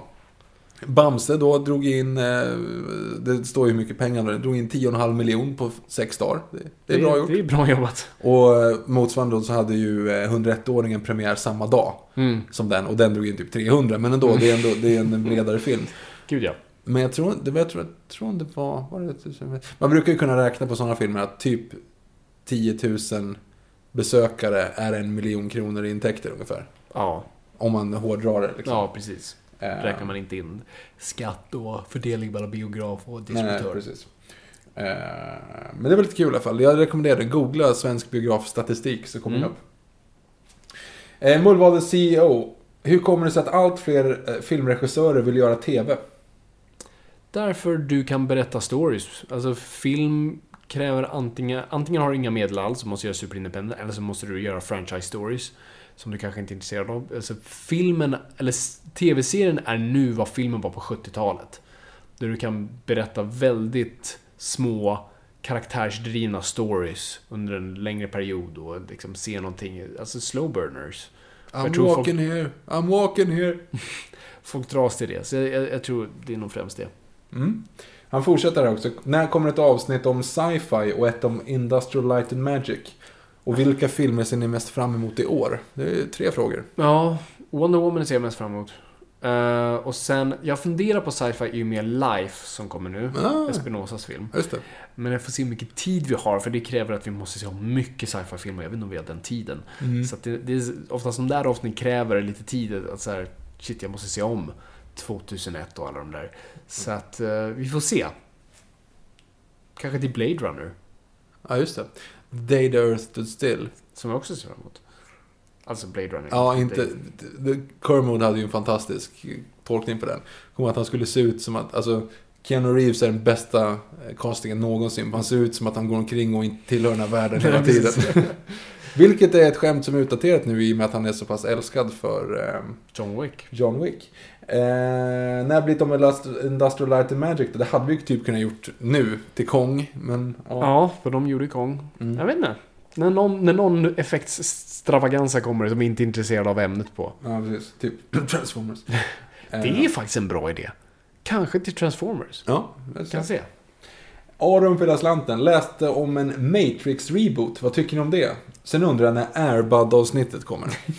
Ja, vi är inte så insatta i Airbud. Alltså. Airbud är lite väl stretchinget alltså. Mm. När vi har riktigt slut på ämnen så kanske Airbud kommer. Kanske. Ehm... Förlåt, vad var frågan? Matrix reboot. Det, Matrix. Ja, jag, jag läste... trodde du funderade. Nej, jag, jag, ja, jag funderade på vad frågan var. Ja. Ja, jag läste om det. Och det, det snackas om typ en ren reboot och att uh, Wachowski-syskonen är utanför det och Joe Silver också, producenten. Ja, det, är- man är på väldigt tunn is där alltså. Det, det kräver väldigt mycket muskler bakom det där. Men alltså, det jag hoppas är att man ändå, om man nu skulle göra det, alltså Matrix är ett fantastiskt universum där du kan leka med idéer. Så att, gör det, gör det som en serietidning. Liksom, nya personer får leka där. Det skulle egentligen passa bättre för TV. Eh, och att det utspelar sig i samma kontinuitet som det som har varit. ja, de rebootar ju Matrix. De drar ju ur sladden och väntar tre sekunder och sätter in igen. ja, precis. Alltså det är det, filmen tre, slut. det är tre, hela trean är det. Ja, men Nej, det är ju tvåan det. och trean. Ja men, ja, men framförallt sista delen av trean är ju verkligen Mm. rent... Så att jag menar, de, nu är det bara att starta upp den igen så här. Putong, putong, putong. Och så är det igång igen. Liksom. Precis. Ni som är födda på 2000-talet förstod ingenting. Och så är det där. Bling, bling. Står det, Fa- Fabian is online på Messenger. Ja, det. upp på hörnet också. Messenger, MSN hette det. Ja, sen Messenger heter det. Hette det MSN Messenger? Ja, sen ja, det var typ Ja. uppdaterat. Vad hette du på MSN? Eh, man hette väl bara sin mailadress? Nej men man skulle ju döpa och så kunde man roliga emojis och grejer. Ja, men jag tror jag, tror jag hette Fabbe först, sen Farre. Tror jag blev. Ja. Alltså vi snackar väldigt ung tonår här. Mm. Jag, het, jag tyckte jag var cool, Mm. typ när jag var 15. Eller cool. Jag, jag var glad att jag inte hade för mycket grejer i alla fall. Jag döpte Mm. bara mig till V. För då kom ju V Just från det, detta. V från Så jag tyckte detta. att det var liksom bra. Yeah, Yeah, yeah. yeah. Emil med 25, vad tycker ni om Thor Ragnarök och bilderna som släpptes? Vad tror ni om Thor, inte vad jag, är tycker? jag var inte ett fan av bilderna alltså. Nej, var... Jag gillar inte Thor i den där frillan. Han ser ut som en riktig surfare. Surfar-bro. Mm-mm. Nej. Nej, jag var inte imponerad. Och inte... Kate Blanchett såg jättecool ut i, i production design grejerna man fick se. Men nu såg hon bara ut som en... Hon ser lite ut som Elizabeth Banks i den kommande Power Rangers. Kommer vi göra ett avsnitt om Power Eh, Rangers? Jag vet inte. Jag var ju lite grann Power Rangers-nörd en gång. Jo men jag med, men jag hade, det är bara för att jag hade en leksak och jag tyckte de såg coola ut men jag visste ingenting om dem. Men det är inte så mycket egent- egentligen. Nej, men det finns ju en hel tv-serie, det finns ju ett universum ändå. De finns på eh, Viaplay. Via Play. Eller om det är Netflix. Någon av dem Du sa är... Netflix till mig, nu är jag orolig för då kommer jag inte kunna titta på Nej, det på kanske är Viaplay. Netflix då. Bara för att jag vill Ja. att det ska vara Netflix. Ja, men det kanske är det då. För i så fall så sa jag det förut och då stämde det ju. Okej. Ehm, Erik Odal. Svarade vi på den här frågan förresten? Ragnarök, vi, vi tror inte så Nej, mycket vi, på det. jag, jag, jag, jag, håller fortfarande hoppet uppe, men mm, bilderna var bara... Erik Odal, ställt denna fråga tidigare men jag tror den föll bort. Vad anser ni är den största slash kändaste nu levande skådespelaren eller skådespelerskan? Det är det som är så- alltså konceptet av stjärnan är ju nästan död. Ge mig en stjärna som kan göra vilken film som helst utanför dess franchise som fortfarande drar in pengar. Eh, Poäng. Vi pratade ju för, alltså det man pratade om förut, bara för några år sedan, var ju här, de enda som finns kvar är Will Smith och Tom Cruise. Brad Pitt, kanske. Nej, alltså har Brad Pitt någonsin haft box office draw? Ja, det har han väl gjort. Alltså Oceans-filmerna. Jo, men då... Men Alltså, liksom det är alla- bara att kolla på Oceans-filmer, för det var ju Real Madrid av dess tid. Ja, ja. Alltså då hade du ju alla stora. Och jag menar, när... Nu gjorde ju bara Julia Roberts en typ av film, men då, då kunde man ju säga, man, vi går och ser den senaste Julia Roberts. Mm. Ja, ja. Jag har aldrig sagt de orden någonsin, men jag vet att det finns många som har gjort det. Absolut. Nej men idag, alltså Will Smith, mm, alltså det är inte som att, alltså, ja, Suicide Squad, men det var, det var inte, den drog inte in Will Smith nej, pengar. Nej, jo, alltså det tycker jag att du har fel. Det jag tycker däremot, det är ju, eh, praktexemplet är ju eh, eh, Planet Earth, äh, gud, M. Night? Shyamalan, vad hette den? Earth någonting. Earth, äh, Crisis on Infinite Men gud, Shyamalan Will Smith och den mindre kopian och hans mini-me. Ja, Du vet vilken jag menar? jag vet vilken du menar. Ja, Den skitsamma. heter- Den ja. där sci-fi-filmen som ingen såg. Nej, precis. Ja. Nej men där har du ju det. Tom Cruise går jättebra när han gör Mission Impossible-filmer. Jack Reacher, not so much. Fast det är ju samma film. Ja, jag vet. Fast den gick väl inte bra? Den gjordes ju en tvåa. There's never been a faster or easier way to start your weight loss journey than with PlushCare. PlushCare accepts most insurance plans and gives you online access to board-certified physicians who can prescribe FDA-approved weight loss medications like Wigovi and Zepbound for those who qualify. Take charge of your health and speak with a board-certified physician about a weight loss plan that's right for you. Get started today at plushcare.com slash weight loss. That's plushcare.com slash weight loss. plushcare.com slash weight loss. Hey, it's Paige DeSorbo from Giggly Squad. High quality fashion without the price tag. Say hello to Quince. I'm snagging high-end essentials like cozy cashmere sweaters, sleek leather jackets, fine jewelry, and so much more. With Quince being 50 to 80% less than similar brands. And they partner with factories that prioritize safe, ethical, and responsible manufacturing. I love that. Luxury quality within reach. Go to quince.com slash style to get free shipping and 365 day returns on your next order. Quince.com slash style. Imagine the softest sheets you've ever felt. Now imagine them getting even softer over time. That's what you'll feel with Bowl and Branch's organic cotton sheets. In a recent customer survey, 96% replied that Bowl and Branch sheets get softer with every wash. Start getting your best night's sleep in these sheets that get softer and softer for years to come. Try their sheets with a 30-night guarantee. Plus, get 15% off your first order at bowlandbranch.com. Code BUTTERY. Exclusions apply. See site for details. Jag vet, men det var så här på håret att den ändå... Den tog väl till, tillbaka sina pengar så här. Mm. Så jag tror de mest gjorde tvåan för nu så här. Nu har vi en franchise, nu kan vi bygga på någonting, nu blir det en succé. Tror bra. du att eh, Arnold Schwarzenegger, nej, Arnold Schwarzenegger är egentligen, alltså jag tänkte på han gjorde Escape Plan och det talar emot och sen Last Stand så. Men innan Vänta. han blev The Governator. Schwarzenegger? Ja, Escape Plan? ja. Var inte det Stallone? Och Schwarzenegger. Va? Va? Var Schwarzenegger med i den? Men skojar du? Det är de två som möts första, typ, första gången de är riktigt så här. Vi såg den på... Såg vi den på Ja. bio? Jag har helt glömt bort den. Men, Swar... Jo, men gud. Det var Mikael Hovström va? Ja, Mikael Hofström regisserade. Sy- Sylvester Stallone är helikopterpilot. Nej men, han ska ju rymma, rymma från fängelse. Från fängelset som Ja. är helt orymbar. Precis, för att han är så smidig och bra. Och så Ja. hamnar han i ett fängelse där det finns en tysk general. Som är Schwarzenegger. Okej, ja, helt... Han svär, han gör en, en svordomsrant på tyska. Okej. När han blir typ Jag- sprutad med vatten. Kommer inte ens ihåg det. Okej, det var en stor del i den i alla fall. Mm. Okej, nej men jag, jag kommer jag inte. Men om, om ska de hetaste det- just nu. Den jag tror är faktiskt, den man, den man kan nämna som stjärna nu, som jag ändå tror fortfarande har lite box office fight, Det är Jennifer Lawrence. Jag tänkte säga Jennifer Lawrence och, och eh, inte Chris Pine, den andra. Men gud vad jag är dålig på namn nu. Passengers. För det var ju den grejen de gjorde. De hade två jättestjärnor som tryckte upp i samma film. Den, drog, alltså, den var också så här på håret. Jo, men den vet, drog så det- sina pengar tillbaka. Det funkar ju inte. Nej, det funkar inte. Men det var också, filmen var dålig. Punkt. eh, det var inte den här, alltså den hade ju så konstigt slut så det var, jag tror de ville ha Titanic-pengar men du behöver Titanics slut för att det ska fungera. Jag har inte sett den så jag vet inte hur den Nej. slutar. Nej, men jag säger inget. Nej. Ehm, ja, Chris Pratt. Alltså, jag tror Jurassic World drog in de pengarna de gjorde på grund av dinosaurier, inte, inte honom. Eh, jag skulle vilja se honom nu i en solofilm som inte är franchise och se hur det går. Ja, den, För att han egentligen bara gjort Jurassic farlig. World och Passengers Guardians of the Galaxy. Guardians of the Galaxy. Ja, det är ju inte så jätte... Movie 43 också visst hon. Var han med i Movie f- 43? Ja. Han och Anna Faris som är i samma scen. Ja, det är helt... Ja. Också glömt bort den filmen. Jag tror jag bara trängt bort den, men... Mm. ja, den gör ont. Ja. Ja, gå vidare. Gör ont. Eh, också Djungelhjorts-referens. Boopidoopidoop, professionell. Har ni något intresse för martial arts-filmer och vilka i sådana fall är era favoriter? Om svaret är ja så vore det sjukt kul med martial arts-avsnitt med Bruce och Jet och Jackie och resten av gänget får vara med. Om svaret är nej så tycker jag om det ändå. Ove and out. Det var lite kul. Ja, det var fint. Blind spot, alltså. Ja. Marginalfilmer. Jag missade helt den grejen. Mm.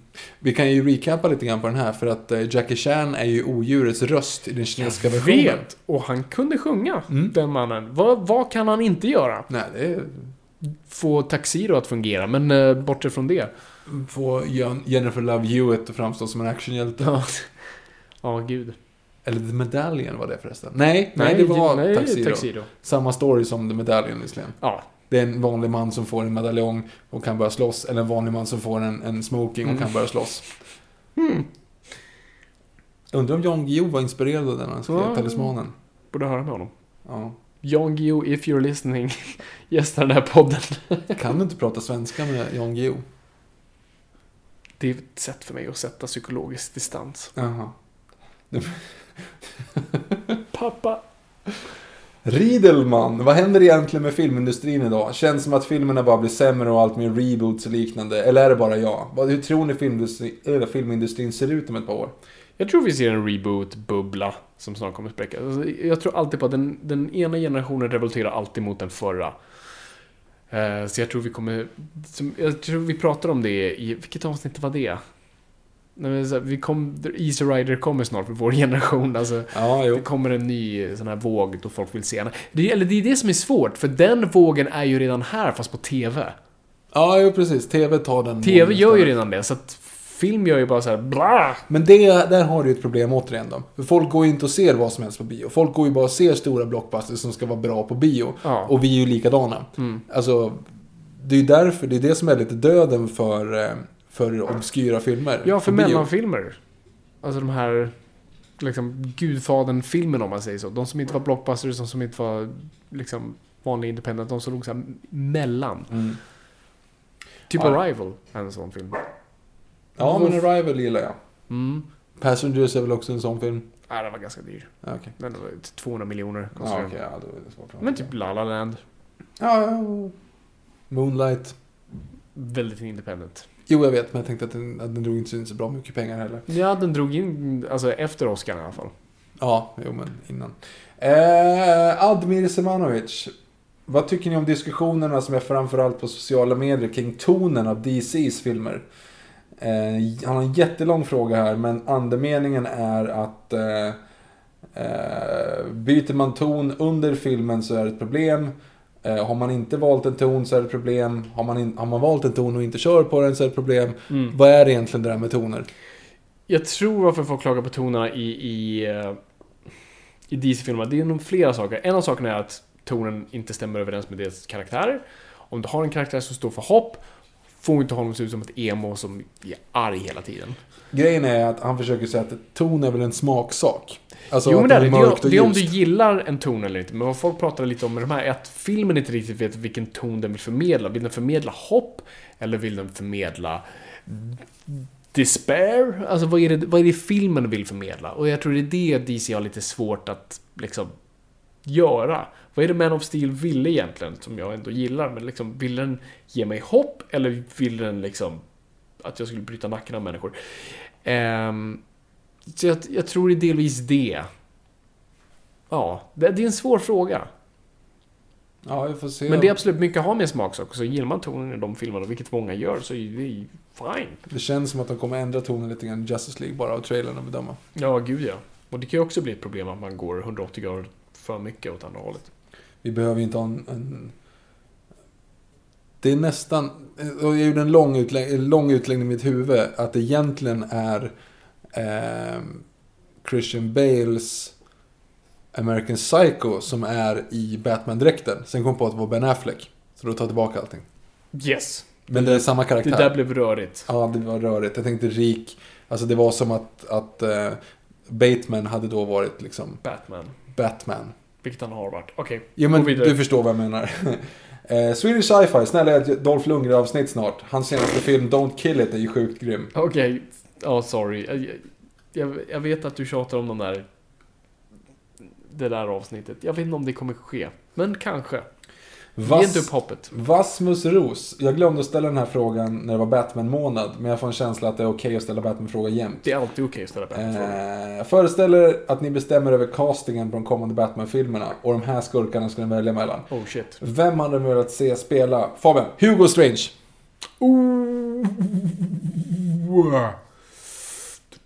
Oh shit. Alltså, det är ju, nu har jag inte spelat en Batman men eh, Tom Hardy hade varit en bra Doctor Strange. Eh, men det kan inte... Hugo Strange. Hugo Strange, ja, men han är också en Doctor Strange. Eh, vänta.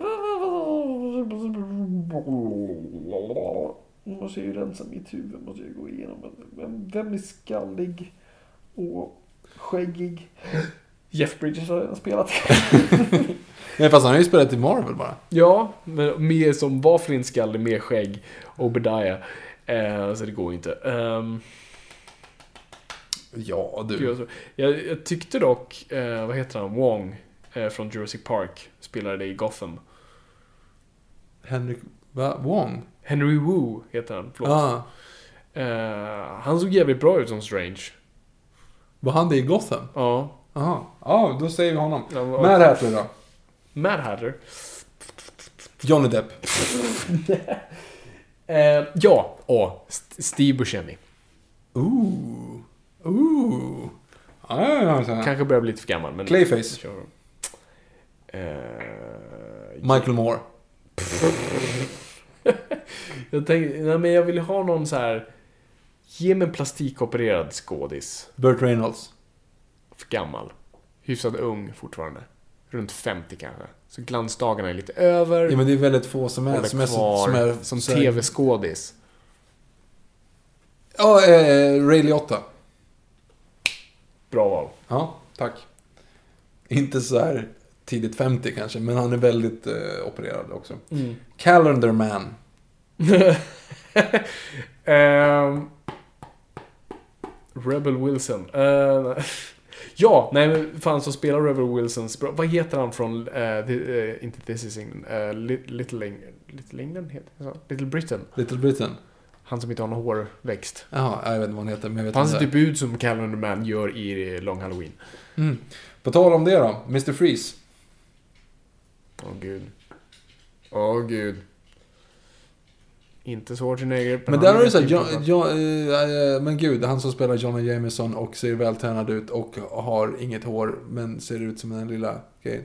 Men gud, eh, inte i Moonlight Ja! utan den andra, Whiplash. Whiplash, precis. Som spelar Gordon nu i det här Batman-universumet. Fuck, det gör han ju. Mm.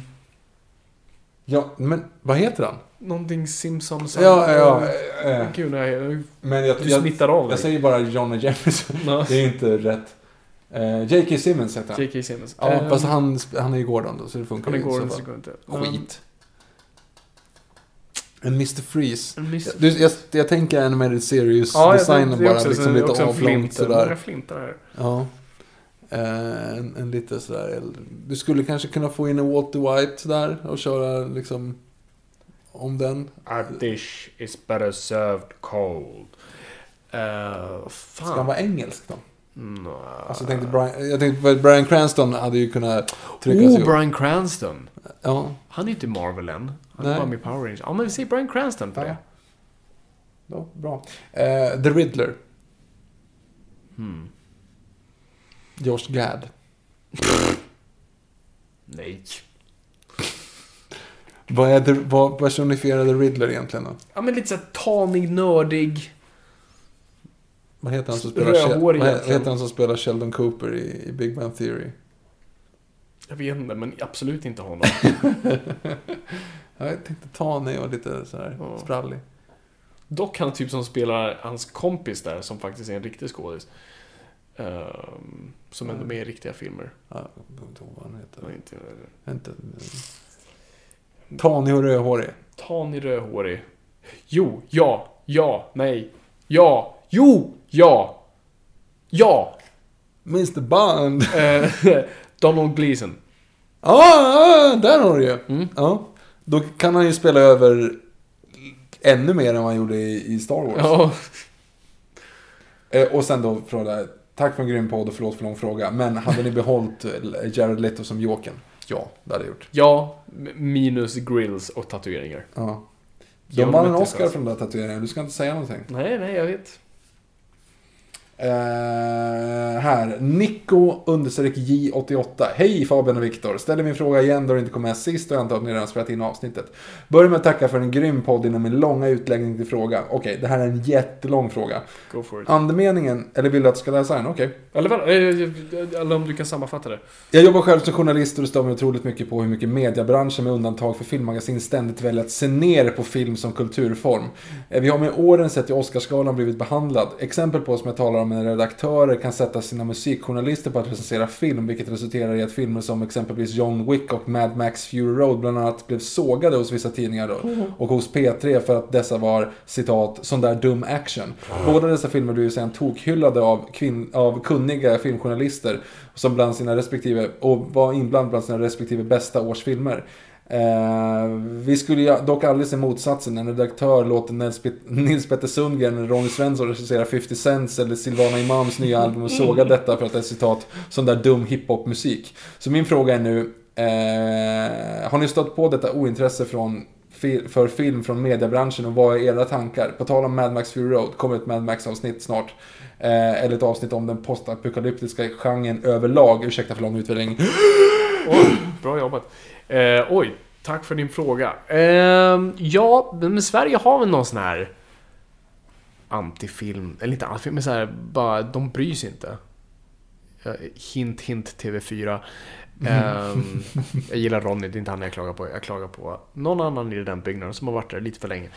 Um, må inga namn nämnas. Men, ehm, ja. Surna inte till nu. Nej. Men uff, ja, det är svårt att säga. Nej men absolut. Eh, jag gillar inte, och även folk som påstår sig, jag kommer ihåg han, det var nå- någon, de har någon ny snubbe som recenserade mm, på SVT, den nya mm, 100-åringen. Han hade inte ens sett den första. Och liksom recenserade utan att liksom, bry, liksom vilja bry sig. Och jag hatar sånt. Trots att de bästa kritikerna är de som går in och sätter sig, oavsett vad det är, men de ska hoppas på att de ser nästa Citizen Kane. Trots att det är 100-åringen 3. Liksom så här, jag hoppas verkligen den här tillför någonting. Det är det jag vill ha med kritiker. Uh, och de bästa kritikerna är personer som jag inte behöver hålla med om, men vars åsikt jag respekterar. Uh, och det har vi väldigt få av i Sverige. Jag tycker att Moviesin hade ett väldigt bra koncept, åtminstone när de lanserade sig. Att de uttalat i början åtminstone var så här att vi låter eh, actionnördar recensera Ja. actionfilmer, vi låter skräcknördar recens- recensera Fansen fick recens- det de hade koll på fick de recensera, helt klart. Och det är ju ett bra koncept, för det är så du, det ska vara. Nej men precis, för du vill ha liksom en skräckfantast recensera den senaste skräckfilmen. Du vill inte ha en 67-åring som bara gillar franska arthouse-filmer. Då är det... Si så, Borta. surna inte till folk. Nej men absolut, Okej. det, det är, pro- men jag förstår det. Alltså, det. Det finns inga pengar i att, att recensera film, eh, ännu mindre nu. Därför jag tror vi behöver fler folk som bara gör det, liksom, gör vloggar, gör bloggar, gör podcasts. Alltså ni har chansen att göra det, för att jag tror...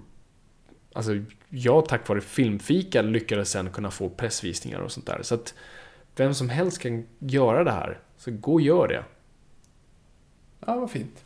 Det är så vi tar det tillbaka. Hur tror du att Nils Petter Sundgren hade tyckt om eh, 50 Cent senaste? Ja, det är en väldigt bra fråga. Ja, också.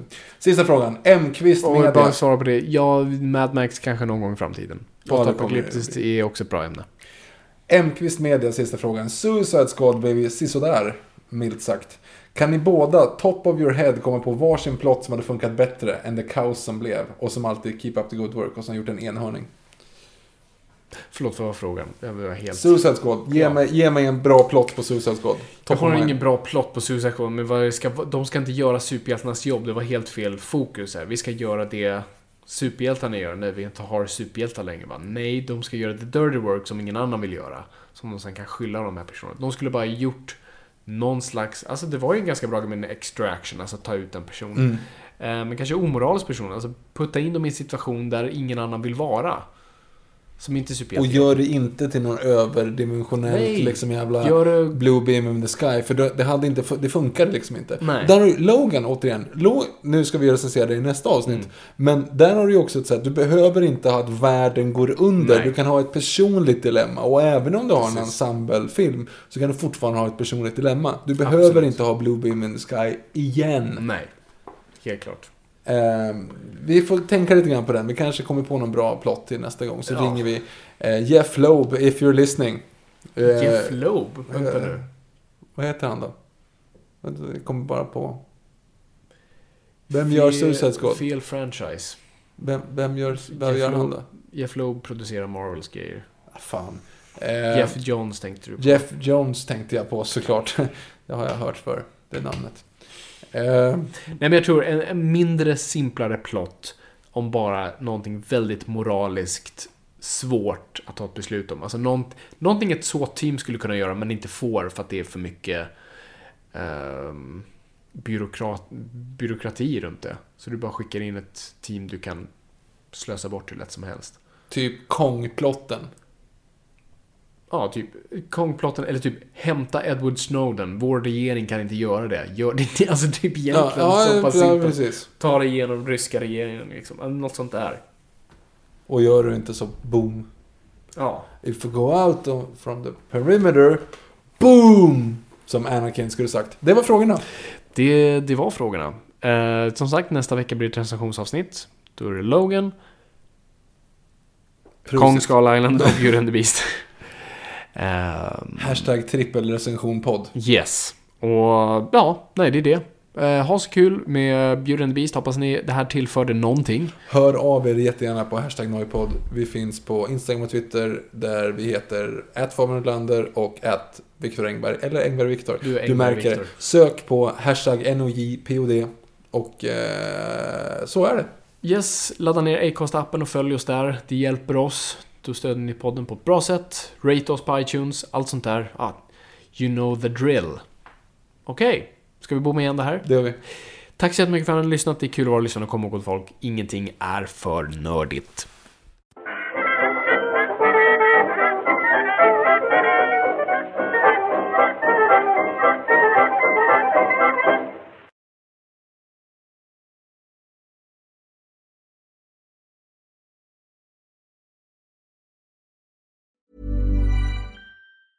Even when we're on a budget, we still deserve nice things. Quince is a place to scoop up stunning high-end goods for 50 to 80% less than similar brands. They have buttery soft cashmere sweaters starting at $50, luxurious Italian leather bags, and so much more. Plus, Quince only works with factories that use safe, ethical, and responsible manufacturing. Get the high-end goods you'll love without the high price tag with Quince. Go to quince.com slash style for free shipping and 365-day returns. Imagine the softest sheets you've ever felt. Now imagine them getting even softer over time. That's what you'll feel with Bowl and Branch's organic cotton sheets. In a recent customer survey, 96% replied that Bowl and Branch sheets get softer with every wash. Start getting your best night's sleep in these sheets that get softer and softer for years to come. Try their sheets with a 30-night guarantee. Plus, get 15% off your first order at bowlandbranch.com. Code BUTTERY. Exclusions apply. See site for details.